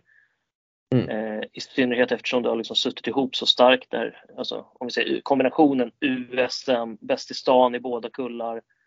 Eh, allsvenskan, JAS. Så, så att där, där, tycker jag vi behöver bli bättre. Vi, vi, mm. Jag vill tassar hela tiden på liksom vad vi ska göra framåt. Men vi behöver vi behöver bygga en struktur som gör att våra, tränare, eller våra spelare tränar mer och spelar färre matcher. För att det är mm. för ineffektiv tid att hålla på och spela matcher hela tiden. Eh, ja. Men, men, men, generellt, alltså det är klart att det är en jättebra säsong. Mm. Eh, här juniorerna däremot hade ju en mycket tuffare säsong. Eh, jag har inte hunnit kolla så mycket på här junior-serien i Stockholm men jag vet ju att i Jasen så var det ju väl, blev det ju ett ganska platt fall jämfört med vad man hade hoppats på det trupp på på förhand. Eh, och men däremot så har det ju ändå varit en del spelare som har fått chansen uppe i här laget också och jobbat med det. Men det känns som att det finns en det har varit en tydligare linje mellan DJ och dam i, eh, än vad det har varit mellan HJ och herr. Eh, hur ser du på HJs säsong? Eh, nej men det är ju bara att skriva under på att både rörig och dålig. Eh, mm. Så om man, om man, om man tar de här liksom generella mätpunkterna som mm. är liksom eh, Alltså dels har vi haft ett, vi har, vi har inte haft tillräckligt bra verksamhet och struktur på verksamheten för att kunna stimulera alla spelare, vilket har gjort att vi har haft ett alldeles för stort bortfall av spelare. Det, var ju, mm. det finns ju naturligt, alltså det är ju naturligt för oss som är så stora att det finns spelare som kanske hos oss hamnar utanför ja-spel som kan mm. gå till, ja men som det varit i år till exempel Lidingö eller AIK eh, och få spela i hyfsat framträdande roller. Fast det ja. kanske inte hade funkat hos oss. Mm. Eh, och det, det, kan bero på massa olika saker. Men, men det, det, i sig är inte så konstigt. Men vi, men vi ska vara bättre på att eh, bygga, bygga verksamhet och bygga en känsla som gör att man vill vara här oavsett lite speltid mm. hit eller dit. Eh, och, och, där så, eh, det har varit alldeles för dåligt. Och sen Ser man det dessutom eh, vidare i det perspektivet så kan man säga att då är det alltså spelare som inte har fått spela här, rimligtvis för att de spelarna som har fått spela är ännu duktigare. Mm. Och då borde ju de duktiga spelarna rimligtvis vinna sina innebandymatcher. Och det mm. har vi ju inte heller lyckats med. Så att det är liksom dubbelt dåligt. Eh, så kan man säga. Det känns, det känns lite som att eh, det här är ett större problem på HJ-sidan än damjuniorsidan. Men för mig så låter det lite så här också som att, att det, eh, det som ni vill förmedla är att Täby ska vara ett tydligt alternativ för dig som spelare. Kanske inte här och nu men att din framtid som innebandyspelare ska någonstans kunna vara i Täby FC. Man ska kunna se liksom att och se att det här, vi tänker på dig långsiktigt, det kommer finnas någonting för dig här.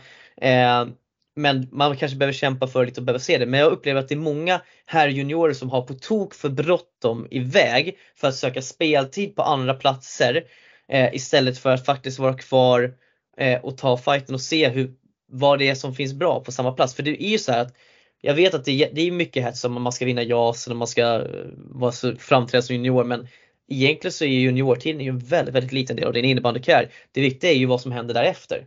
Sen när du ska spela. Är det någonting som du känner av också?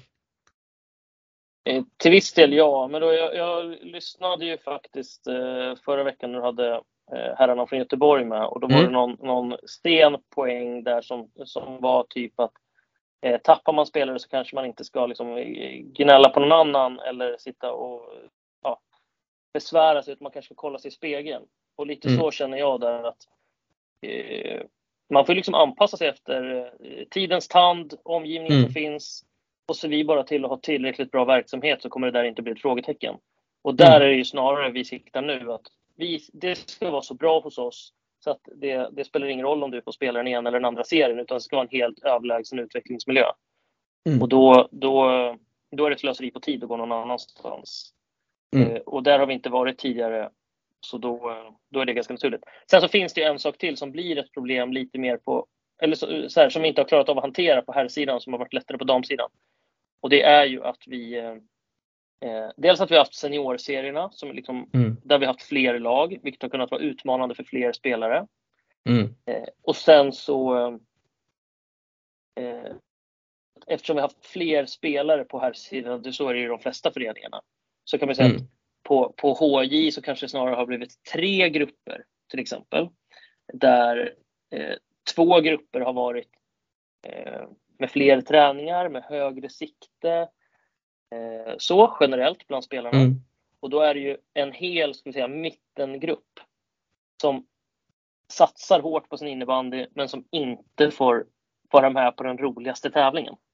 Ja. På damsidan så blir det ju inte riktigt samma sak utan då kanske det har varit två träningsgrupper där mm. det kan vara ett fåtal som hamnar utanför men det är inte något som påverkar liksom hela strukturen. Och där har, det, där, har liksom, ja, där har vi inte varit tillräckligt starka för att bedriva mm. eh, en verksamhet som har eh, tilltalat alla hela vägen. Va? Ja.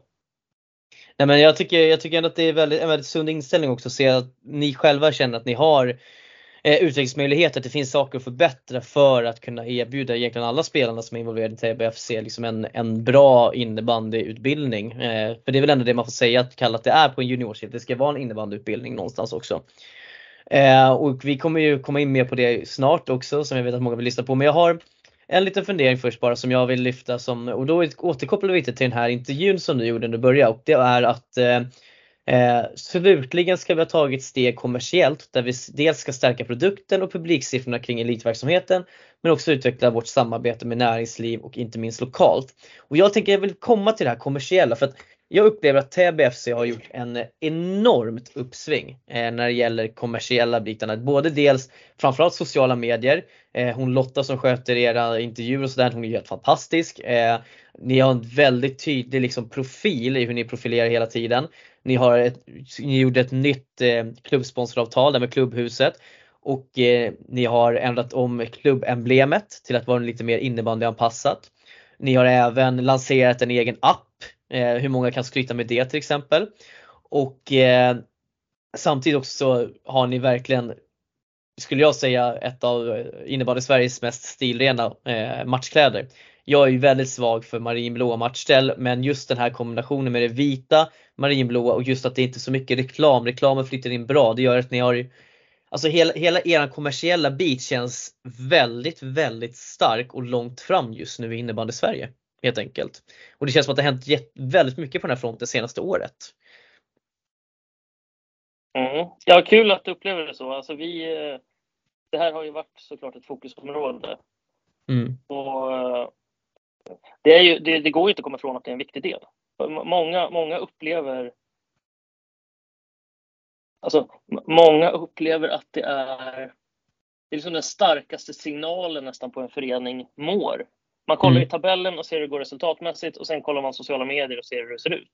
Ja. Och så tycker man, alltså jag får ju ofta liksom responsen att det känns som att det händer så mycket i Täby. Mm. Eh, och det händer nog massa spännande saker i andra föreningar också. Men vi har nog utvecklat den förmågan att kunna kommunicera ungefär vad det är som händer på ett hyfsat, mm. liksom, hyfsat sätt. Eh, och sen så är det också lite vad man tar för benchmark och vad man jämför sig med. Alltså vi, vi mm. presenterade Hanna Nordstrand nu och min referenspunkt när man gör spelarprestationer. Nu har vi inte alls samma resurser som man hade önskat. Så, mm. eh, så vi gör liksom det efter, efter bästa förmåga. Men, men eh, eh, första dygnet efter att Bruno Fernandes presenterades för Manchester City så var det över 30 inlägg med Bruno Fernandes i deras sociala medier. Eh, mm. Bara på Instagram till exempel. Och det är så här, mm. då, då har man ändå, eh, man ska inte ha missat att en av kanske världens bästa 18-åring mm. går till Täby FC. Eh, så. Och det, och det, märker man också på våran liksom, eh, eh, ja, men våran reach och våra följartal och så att det stiger mm. hela tiden. Så det händer ju saker. Mm. Men, men eh, om man ska ge någon form av bakgrundsbild så kan man säga att vi, vi försökte väl göra någon, eh, någon reset på vårt, vad ska vi kalla det, varumärke. Eh, mm. Egentligen ganska snart efter att jag började. Så jag började första mm. november och eh, säg att det någon gång i, i liksom februari, mars så började vi ta upp dialog om hur, eh, vilka, eh, ja, men, alltså utvärdera verksamheten, hur mm. vi är idag, eh, hur uppfattas vi utifrån, hur, vad tycker domarna om oss, vad tycker förbunden om oss, vad tycker motståndarna om oss. Mm. Det finns ju massa saker i det. Mm. Eh, och där så hittade vi saker som var bra, men vi hittade också ganska so många saker som vi tyckte vi kunde utveckla. Eh, mm. Och sen så eh, utöver liksom det visuella. Så. Sen så blir nästa steget komma fram till vad man vill. Mm. Eh, och där så vill vi bli bättre på att kunna liksom, formulera och uttrycka vad vi faktiskt håller på med. om, man, om man skulle ta ett kommersiellt perspektiv på, på idrotten i synnerhet, men kanske eller idrotten i allmänhet, men kanske innebandy mm. i synnerhet, så är det lätt att man hamnar i att så fort som det ska liksom göra, byggas upp resurser och göras pengar så ska man hålla på med en massa andra saker än innebandy. Mm. Eh, man måste liksom, för att, för att vi ska få pengar av ett företag till exempel eh, och de ska vilja synas med oss, då ska vi helst eh, nattvandra, eh, bjuda på gratis mat på julafton och mm. ha liksom pensionärsinnebandy. Vilket vi jättegärna har alla tre. Men mm. vi tycker redan från början att våra 277 ideella ledare som lägger ner som miljontals timmar över några år. Mm. Eh, de är ju liksom förtjänta av liksom, deras, våran kärnverksamhet är förtjänt av lite mer kärlek redan från början. Mm. Eh, och där så, eh, där så bevisligen så måste vi bli bättre på att berätta om det. Eh, och, mm. och så. Så, så där så ville vi liksom uppdatera. Vi kom fram ganska snabbt att vi behöver uppdatera vår eh, liksom visuella identitet. Det, finns, det bor en massa saker i vår i våra, i våran gamla logga. I mm. eh, liksom det som Täby FC har varit som vi tror är svårt att liksom, det är inte att det, det är inte någon katastrof, men det var liksom, det är svårt att ta en ny, eh, göra en reset utan att göra den reseten. Ja men precis, för att få bort gamla stämplar och grejer.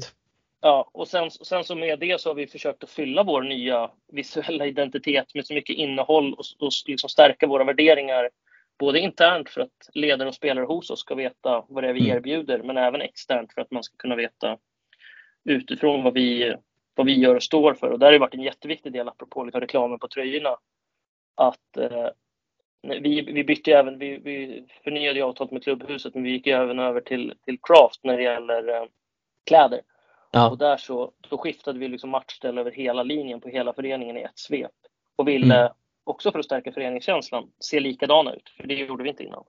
Nej, och det, tycker, det, det där är verkligen ett, eh, det där tycker jag är, är ändå en viktig faktor. För du ska, du som knatte eller som till exempel ja, men en pojkar 10 eller pojkar 16 spelare ska kunna känna samhörighet med de som spelar på högsta nivå. Det bygger klubb och föreningskänsla, lite det som Eh, det som du också säger, har sagt, det här med stärka föreningskänslan. Det, känslan, det här, är, det här kan vara, en sån liten grej kan vara jätteviktig. Ja, jag tror också det. Och där så, som, en, som en del i det så satte vi Generation Pep på tröjorna och hade dialog med dem om samarbete. De jobbar ju liksom med barn och ungas hälsa, mm. precis som jag tycker att vi gör.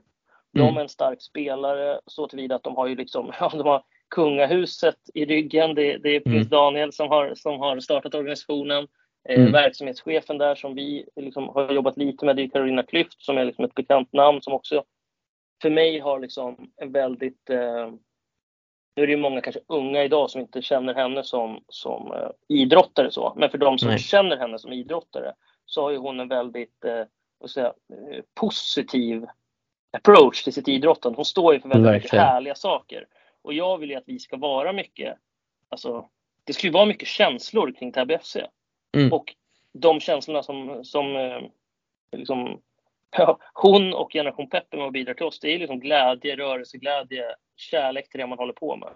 Mm. Och, och, det, har varit, det har varit jätteviktigt för oss i året. Att, uh, att synas och jobba tillsammans med dem. Och vi arrangerar ju tillsammans med dem också en, en peppdag i Täby nu. Eh, 13 maj där vi liksom har då har vi dragit med oss 30 föreningar till i Täby. Så det är inte bara vi, men vi arrangerar dagen.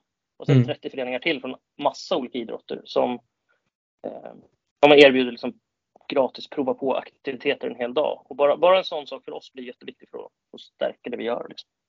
Ja, och allt det här tycker jag bygger ju spär bara på den här känslan. Alltså, du säger att ni ska bli bättre på att lyfta fram era verksamheter ännu mer. Liksom, men det som jag tycker, ni ligger ju långt fram i alla fall, alltså innebandy Sverige som jag kan se, i att lyfta fram saker och ting som ni gör. Och för den som ändå vill gå ner liksom på lite mer på djupet så ser man ju att det finns ju en massa saker, precis som du säger, som ni inte lyfter fram men som görs i bakgrunden också. Och det här med alltså, kriterier för en välmående förening ja precis som du säger, de flesta går ju in och kollar på tabelläge och sen sociala medier. Men när man börjar liksom ändå när man börjar grotta i det här och gräva lite så ser man ändå att det finns så mycket mer som vittnar om att ändå Täby har gjort en, precis som du, som du säger, en reset och är på väg åt ett annat håll kanske än vad man såg på Täby för några år sedan. Helt enkelt.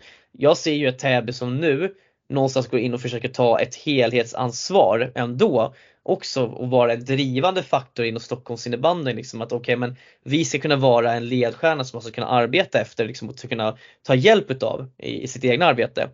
Eh, jag har noterat också, du, ni har skickat ut mail också inför era slutspelsmatcher och bjudit in klubbar och lag till att komma och titta på matcherna till både emellanåt gratis men också reducerade priser och så. Så ni försöker ju verkligen att få in liksom alla, ge alla möjlighet. Och eh, det tycker jag också kopplar väl an till det här med att stärka näringslivet. Eh, och eh, nu, du nämnde den här stora träffen lokalt, jättebra men jag tycker att ni gör väldigt mycket saker för, för distriktet i stort som många kan ta efter helt enkelt. Um, ja, tack. Ja, nej, men äras den som äras bör helt enkelt. Och eh, jag tänkte vi, ska, måste, vi måste ju prata nu om det här äh, uh, EFUT som, ni, som det kallas för.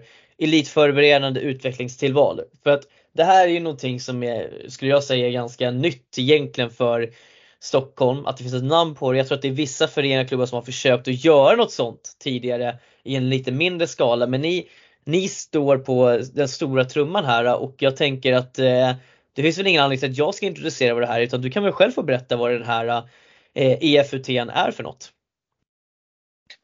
Ja, alltså det är precis som du säger. Vi, vi, vi har försökt att liksom döpa det utifrån vad det faktiskt är. Och det var därför jag fick, eh, vi, vi skulle ha en presentation i början av januari, mitten av januari och konstatera att eh, vi vill Liksom, vi vill vara noggranna med vad det här heter för att vi ska, mm. det ska bo rätt saker i det här namnet på samma sätt som vi var noggranna med våran, våran logga och sådär. Eh, mm. men, men det här är ju precis som namnet antyder, det ska vara elitförberedande eh, ett elitförberedande utvecklingstillval. Det är med, med verkligen betoning i varje ord. Det är ett tillval som man själv väljer att göra om man har höga mm. ambitioner med sin eh, innebandy med, med sikte på elit. Eh, det är utveckling verkligen i fokus. Eh, mm. Och sen så är liksom både verksamhetens eh, vad ska jag säga, både verksamhetens innehåll men även struktur när det gäller så planering, säsong, eh, veckoplanering och så vidare. Så är ju mm. den eh, liksom med, med elit eh, förberedelse i, eh, i ja, verkligen som ledstjärna. Så. Och där så eh, ja, drar vi igång nu 15, 15 maj. Eh, våra killar och tjejer mellan 15 till 18 år har haft möjlighet att, att välja till det här. Mm. Eh, och då, då är det som sagt upp till 16 år, alltså till hösten, blir, eller ja, nu så blir det de som är födda 07 och 08. Mm. Eh, då är de kvar i sin det som vi kallar då baslagsverksamhet. Så att de kör på två gånger i veckan med sina eh, befintliga eh, ledare. Många, de flesta där är föräldraledare. Med samma lagkompisar som man haft tidigare. Jag tror att det är en jätteviktig del att vi har pratat mycket om liksom den sociala eh, tryggheten, vi pratar om psykologisk trygghet. Att, eh, alltså det året man fyller 16 och går in mm. på gymnasiet eh, så, så tycker jag att det finns en för stor riskfaktor i att man byter lagkamrater, man byter klasskamrater, man byter lärare och man byter tränare ofta samtidigt. Mm. Och inte sällan så byter folk förening då också. Och där, där så kommer vi försöka jobba med att man är kvar med sin grupp eh, och så ska vi liksom hitta sätt att utmana alla där. Mm. Hela vägen upp till första året på gymnasiet. Dessutom så är det så att många går in på NIU när man har den här ambitionsnivån. Eh, och där så blir det att man går upp ofta i träningsdos. Inte helt mm. ovanligt att man kanske går från 3 till 6 eller rent av 3 till 7 träningspass i veckan. Mm. Eh, dessutom så är ju de tre träningspassen på skolan är ju eh, ganska ofta med sådana som är äldre än sig själv. Mm. Eh, för tjejerna så är det dessutom att man tränar tillsammans med killar, vilket ofta innebär en, en högre liksom, intensitetsnivå, tuffare närkampsspel så. Eh, så att redan där ökar ju belastningen ganska extremt. Mm. Och där har vi velat hitta då att året man går i nian så trappar vi upp det i vår förening till fyra, eh, fyra gånger i veckan. Mm. För att man året därefter ska vara mer mottaglig för att kunna träna kanske. Ja, det är så, det, det, det, och det för mig själv alltså, så, som har haft nio elever som spelare så jag tycker jag att det låter som en fantastisk idé i det avseendet just för att jag vet ju själv hur de här, de här diskussionerna kan gå med spelare. Okej, okay, men vi är på nio, vi kör massor med pass i veckan. Om jag orkar inte köra träningen med, med lag, klubblaget idag. Nio måste man göra för att det är skola liksom. Eh, och att hela den här synen då på nio, att det blir liksom nio mot klubblaget när det inte, det är inte det det ska vara utan det ska liksom vara att Alltså nio ska ju vara ett komplement till det du gör i klubben och att man liksom, man ska se det som att det är något två saker som ska stötta varandra. Eh, och då tror jag att genom att erbjuda det här att okay, man kan ha en liten ökning av träningsmängden redan innan man börjar på nio tror jag kommer att gynna de här spelarna väldigt, väldigt mycket för då är man mer förberedd på att kunna hantera den mängdökningen sen någonstans. Så att, eh, det tycker ja, jag låter som en väldigt, väldigt bra sak. Ja, och där, där ska jag också säga att vi, vi, eh, en viktig del i det här, ska vi kalla det programmet då, är ju att man också lär sig själva den individuella träningsplaneringen. Att göra, och inte mm. bara träningsplaneringen, utan planeringen. Mm. Där vi kommer lägga stor vikt vid att, eh, ja, men att spelarna lär sig att strukturera upp sin eh, vardag, att, man hela tiden, att de hela tiden får återkoppling. Vi har eh, en övergripande fysansvarig som jag har rekryterat in som kommer liksom jobba i föreningen som heter Anna Kellerman Fallby och hon har liksom sin mm. historik, senast i Djurgården fotboll på damsidan. Men innan det så jobbade hon i FC Köpenhamns eh, fotbollsakademi. Hon har väl haft eh, P-landslaget också va? Som ja, hon, har med mig. Hon kombinerar uppdraget hos oss med att hon är kvar i fotbollslandslagen på ungdomssidan. Ja. Och, men, men, just tiden från, från eh, FCK är hon med sig massa saker på liksom hur, hur, uh, hur man på ett bra sätt kan uh, följa upp och bedöma liksom, belastning på spelare i den här åldern. Mm. och där så, där så kommer vi fånga upp liksom, hela tiden att är det att man faller bort är man sjuk, är man skadad, vad beror det på? Eh, mm. Mår man inget bra av andra skäl, hur kan vi fånga upp det? Eh, får man inte ihop eh, studier och innebandy, hur kan vi hjälpa till och liksom skruva i, i den planeringen? Och där är både Annas roll jätteviktig. Vi har anställt Mattias Emilsson som, som utvecklingsansvarig för hela det här programmet. Mm. Och, eh, och dessutom så har vi fått in fem stycken mentorer till spelarna eh, på, eh, ja, där, där, alla fem har liksom mer eller mindre eh, briljanta, får man väl säga, elitkarriärer mm. bakom sig där de båda har lyckats spela på elitnivå länge och eh, eh, studerat sig till goda utbildningar och idag jobbar liksom på bra arbetsplatser, har haft, haft långa hållbara karriärer och ändå lyckats bygga ett liksom rikt socialt liv utanför också. Så att det är fem, mm. fem personer som vi tror kommer vara väldigt viktiga där ju Jennifer Stålhult sticker ut till exempel, Emelie Frisk som har vunnit många, många guld och Laura Mertsalmi med liksom hundratals, tror jag, landskamper för Finland. Så att, eh, det, är, det är starka namn. Elin Gillberg och Elin Lundström. Precis och det där är ju, det är ju fem väldigt starka och bra namn. Eh, och eh, just precis som du säger, det känns som att ni har, hit, ni har tagit in rätt spelare med rätt också rätt personligheter om du förstår vad jag menar. Eh, också som säkert kommer att vara ett fantastiskt mentorskap för de här spelarna som ingår i det här programmet. Och eh, sen vet jag så att okej okay, men det jag vet att det här programmet kommer, det kostar ju en del. Eh, men det är ju som sagt det är ju tillval som man får göra om man är beredd, om man vill lägga liksom mer på sitt innebandy, alltså sin resa mot elit. Och eh, generellt så är ju innebandy fortfarande ganska billig sport. Men det som man ska säga är att det som du får för de här pengarna som du lägger är ju det är ju väldigt, väldigt mycket. ändå. Det är säger, du får lära dig individuell träningsplanering, du får flera pass, du får individuell coachning, du får mentorskap utav, vi pratar alltså eh, VM-guldvinnare eh, och SM-guldvinnare. Eh, du får eh, Mattias Emilsson är en fantastisk ledare eh, på den biten. Och eh, precis som Anna-Karin, jättemycket erfarenhet av fys. Alltså du får ju så fruktansvärt mycket i den här summan. Eh, och det är väl klart att det, det behöver Någonstans så måste de här rekryteringarna också, de måste ju liksom såklart finansieras också men eh, jag tänker så här, alltså vi, jag tänker inte nämna vad priset är utan det får folk kolla upp själva men det kostar en del men det är värt det eh, utifrån vad man hör och läser. Tänker jag i alla fall. Ja, så, alltså, så, som, så som vi har tänkt så eh, vi, har väl, vi har väl kollat lite grann på, dels så ska man ju säga så här, det är ju i viss mån en liksom, demografisk fråga. Alltså vi vet ju, mm. det, det, är inte, det är olika hur kostnadskänsligt det är i olika delar av, av uh, Sverige. Så är det ju. Eh, så är det. Och, och, där så är inte det, det kanske inte är det som präglar vår verksamhet, att det är kostnadskänsligt. Med det sagt så har vi också, eh, jag ska säga vi har, vi har liksom ordinarie avgifter för de här ålderskullarna är i krokarna kring liksom 3500 per år. Då är det inklusive ja. medlemsavgifter och sådär. Och här, den här tillvalskostnaden är på 6000. Så mm. det är liksom eh, vid en första anblick kan man tänka så här, oj jävlar, kostar det 9500 kronor att spela innebandy?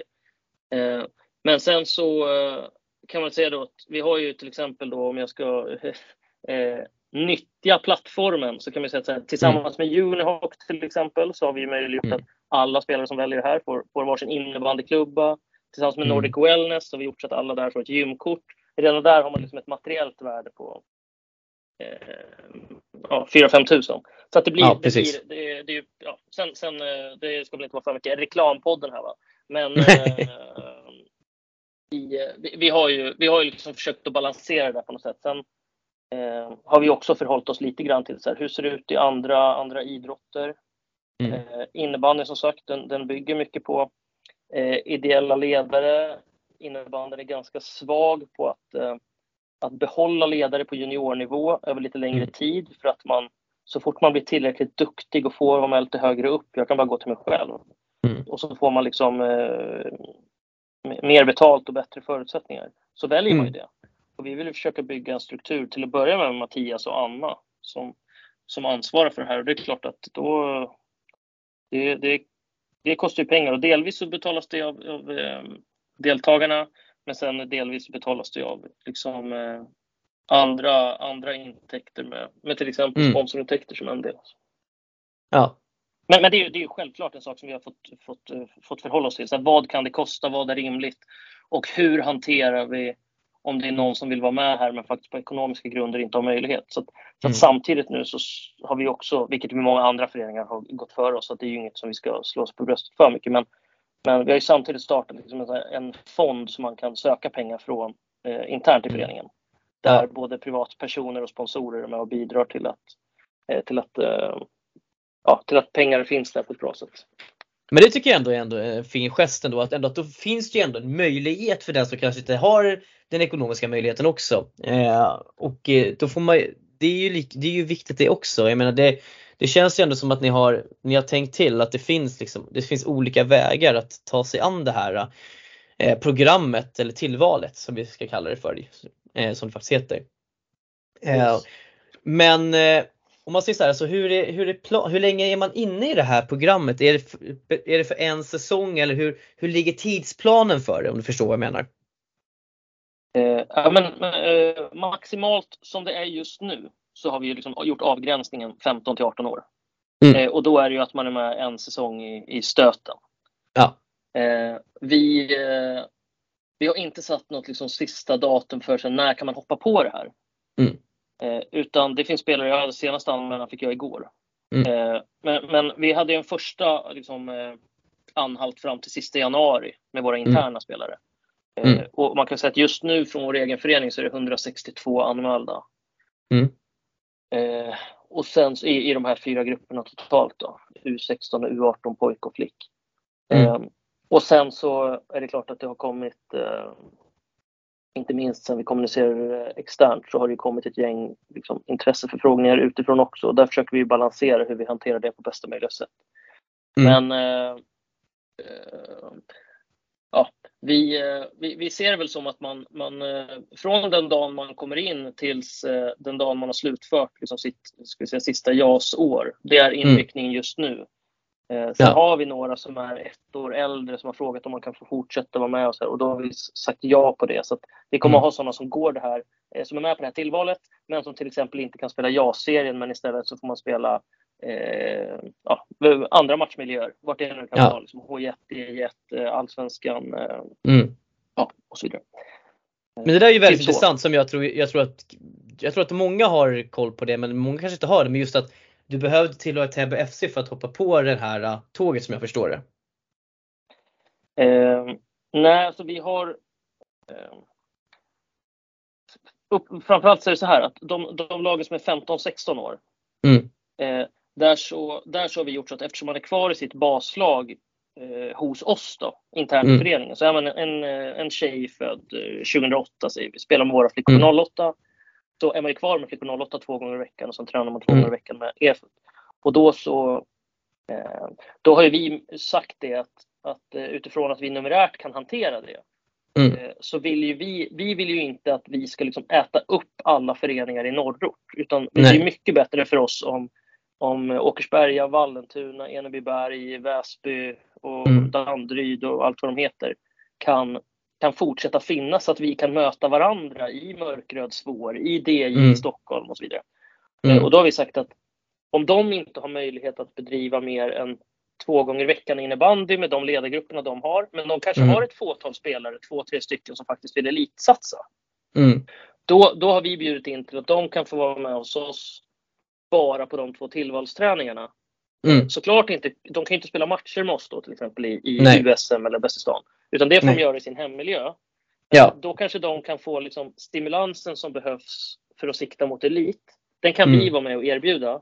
Men vi kan ändå vara med och få det här flicklaget eller pojklaget som är 15-16 år att överleva lite längre i sin, i sin hemmiljö. Liksom.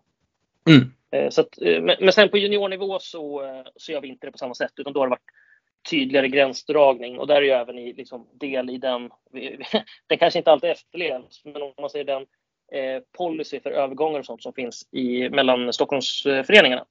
Mm. Som i alla fall är eh, formulerad och undertecknad av många av oss. Så, mm. eh, så är det ju först där som det är liksom accepterat med någon form av, eh, av rekrytering också. Och då gör ju vi också den gränsdragningen att eh, ja, arbeta på det sättet. Ja, nej men alltså som sagt, eh, jag tycker fortfarande att det, det låter som att just, att just den här biten man ändå ger möjligheten till de andra, före, andra föreningars spelare att om man vill ha liksom en liten extra boost kan man göra det genom det här.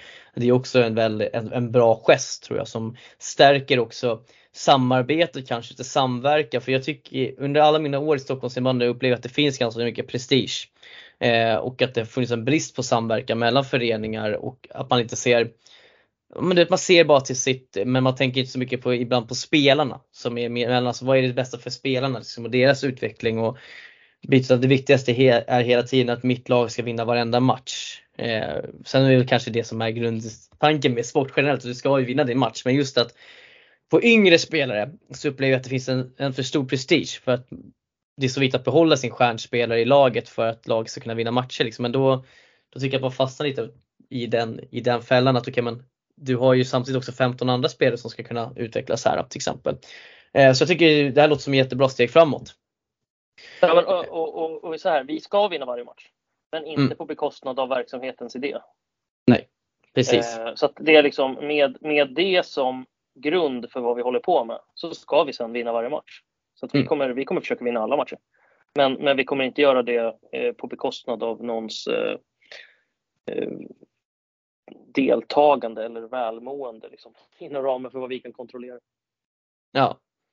Eh, jag har faktiskt så mycket mer saker än så, utan jag har egentligen en sista fråga och den är väl kanske mer generellt. Men eh, du sa att du hade lyssnat på avsnittet förra veckan när vi träffade eh, Göteborgsgubbarna där och jag tänkte vad, hur ser du på, på JASen, alltså den, det, det är de utmaningar vi har i Stockholm kring den här serien och varför vi varför är vi inte så pass slagkraftiga som vi borde kunna vara?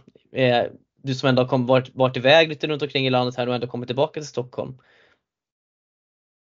Eh, ja, alltså min, eh, så här, det är någonting med tajmingen kring att juniorserierna i Stockholm gjordes om, covid och mm.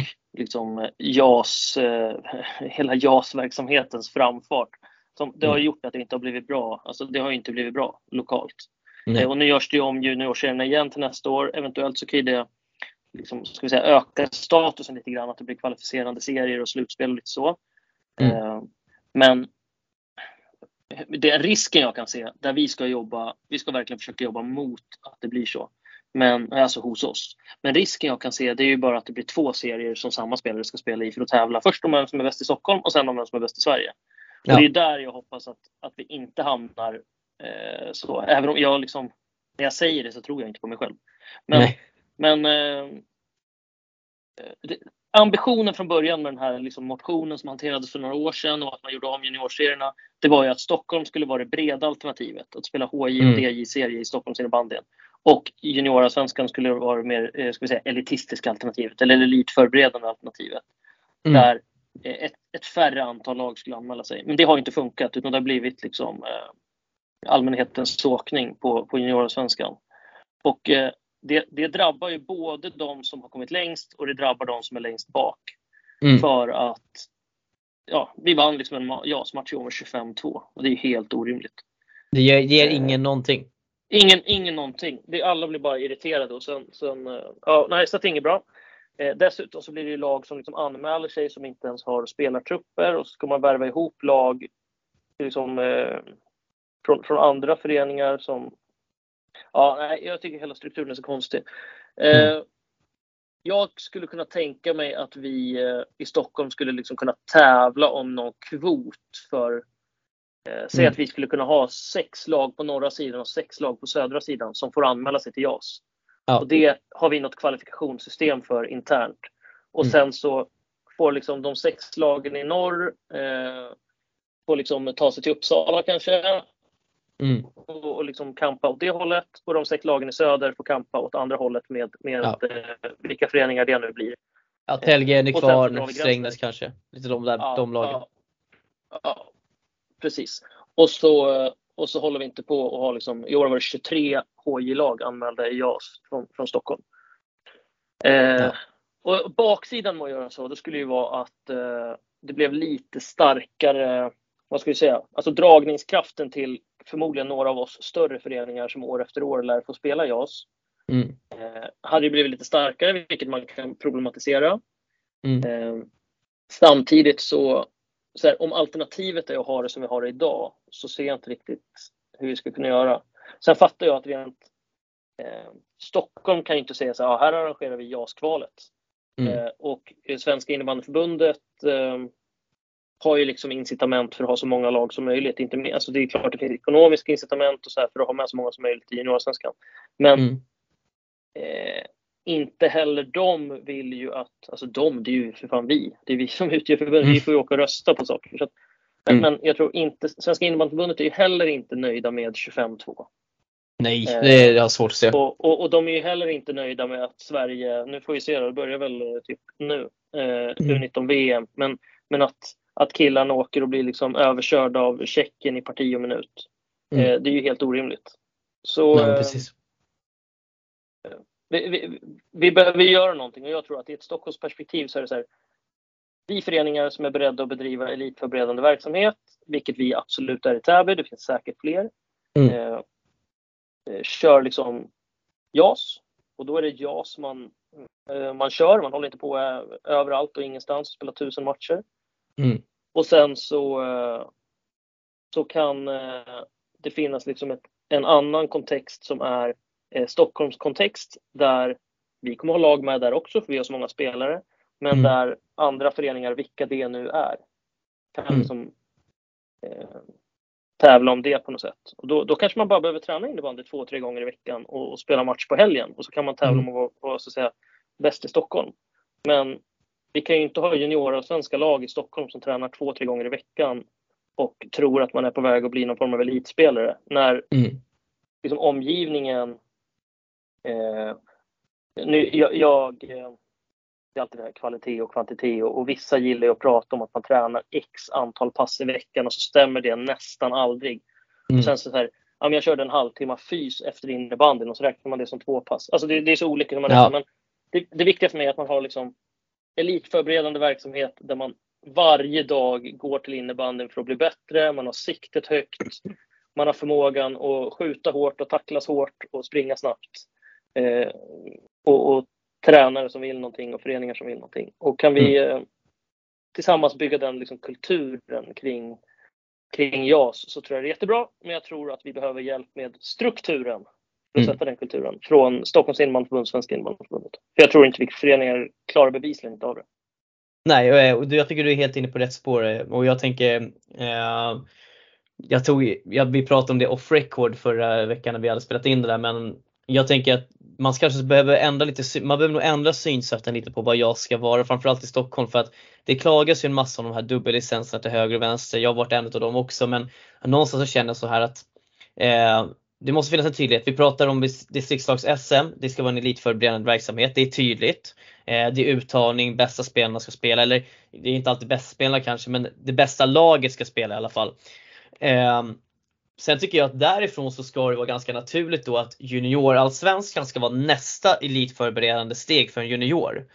Och att sen från juniorallsvenskan, då ska vi prata ett steg upp på till exempel, men för mig så är det ju damallsvenska eller herrallsvenska och sen SSL som alltså som nästa elitsteg. Om vi säger så. Sen kanske man gör ett avstamp i division 1 för att få erfarenhet till exempel. Och sådär. Det är ju inget fel med det. Men just att juniorallsvenskan ska vara en elitförberedande serie där det finns där de bästa ska spela, det ska finnas en tydlig konkurrens, det ska finnas en tydlig struktur och är det så att du har en spelare eh, i ditt lag som verkligen liksom vill satsa på din elitkarriär, men då släpp den spelaren till den förening som är med i JASen då som har förutsättningar för att bedriva elitverksamhet.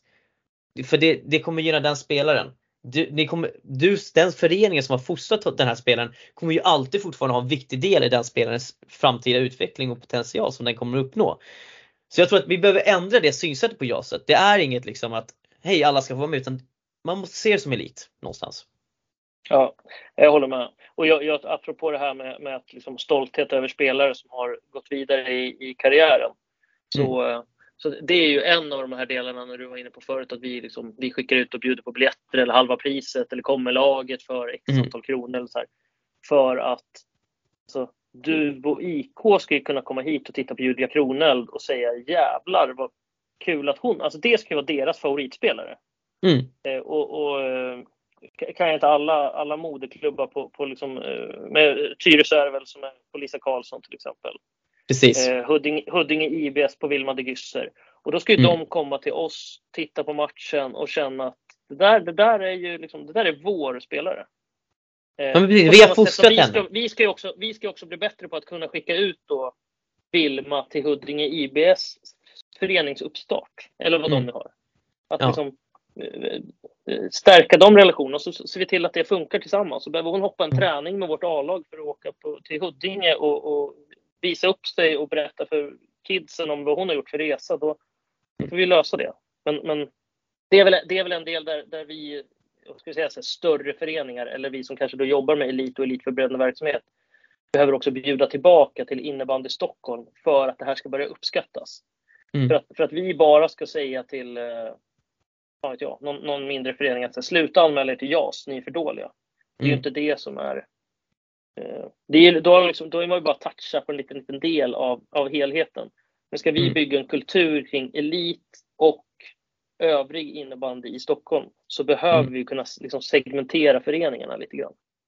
Ja och framförallt när vi inte har de här förutsättningarna som har ute i landet med faciliteter och träningstider. Man får ju stånga sig blodig med kommuner till ögonen. Så, så kanske det är liksom de här riktningarna man måste börja kika också. Eh, för att någonstans, ja, men det är som jag själv inser i mitt ledarskap, mitt, det viktiga för mig som tränare det är ju att ge mina spelare förutsättningar att träna, tävla på den nivån som de vill uppnå till och som de är på. Och då kanske det är så att ja, jag behöver släppa spelare till den här föreningen för att de får bättre förutsättningar där för att utvecklas och drivas mot sitt mål. Eh, så får jag jobba med de spelarna som jag har kvar som ligger på den nivån där vi befinner oss just nu. Jag tror att det, är, det har varit lång tid i Stockholm ett ledarproblematik det här med mycket prestige och att inte förutsättningar funnits. Eh, men jag känner att vi jag tror att det som ni gör i Täby här nu någonstans och det, det, som, vi, det som du nämner är någonstans ett steg i rätt riktning ändå. Eh, jag, vill, jag vill tro det i alla fall. Låt oss hoppas. Ja, verkligen. Bidra, tror jag. Men eh, Brinkman, vi, vi har spelat in ett tag här nu och eh, jag känner att det kanske är dags att eh, gå mot sitt slut. Och eh, eh innan jag avslutar så tänkte jag höra, är det någonting som eh, du skulle vilja säga till, eh, till våra lyssnare eh, helt enkelt? Ja, men vi behöver ju all, alltså så här, innebandy behöver all uppmärksamhet den kan få. Så att oavsett om det är innebandy i Stockholm eller om det är andra liksom, innebandymedia och om det skrivs eller om det, vad det nu är, så eh, bidra till att sprid. Eh, för det mm. tror jag det är sjukt viktigt att vi liksom bygger innebandyn tillsammans. Och sen vill jag en mm. sak, säga en sak till apropå det här med kommersiell utveckling och det gäller hela Stockholms innebandy. Mm. Det är mm. så här, när det ringer någon, någon, eh, någon jävla säljare till dig nästa gång mm. och, och, vill, vill ha sålt en, en dammsugare eller få komma och värdera din lägenhet. Mm. Fråga hur de fråga hur de stöttar innebandyn eller idrotten innan du säger ja. Och mm. gör de inte det så välj en annan jävla mäklare eller bilhandlare mm. eller vad det nu kan vara. För att det, det, är, det är en kultur vi måste bygga upp i, i Stockholm. Att, eh, ja, men i mitt fall, jag, jag, är, jag är medlem i en fotbollsförening och den fotbollsföreningen är sponsrad av Volkswagen och då köper jag en Volkswagen-bil. Jag skulle aldrig mm. köpa någon annan. Mm. Lidl sponsrar Täby FC. Då handlar jag min mat där. Jag hade aldrig handlat där innan men de har köpt mig för de stöttar Täby mm. FC. Och så tror jag vi behöver resonera för att bygga en starkare ekonomi kring innebandyn och idrotten. Det är ett väldigt spännande resonemang och det tycker jag faktiskt är någonting som folk kan ta vid på. Men fundera lite kring de här bitarna en gång till. Helt enkelt.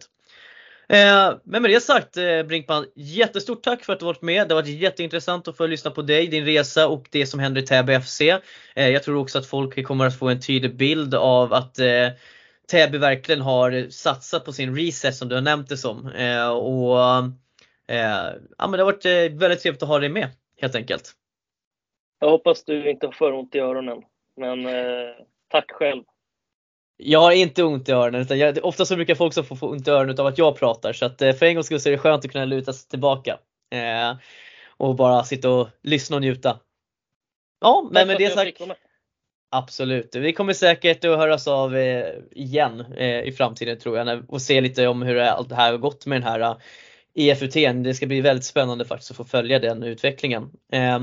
Och till alla våra lyssnare, stort tack för att ni har lyssnat även denna gång. Till det vanliga avsnittet som kommer släppas nästa vecka så kommer vi ha besök från Ekerö IK som dessutom också spelar final. Och eh, Dessutom så har ju Täby finallag eh, i alla dam och DJ och flickfinalerna i helgen. Så att eh, vill man se till Täby FC så kan man ta sig till Eriksdalshallen i helgen.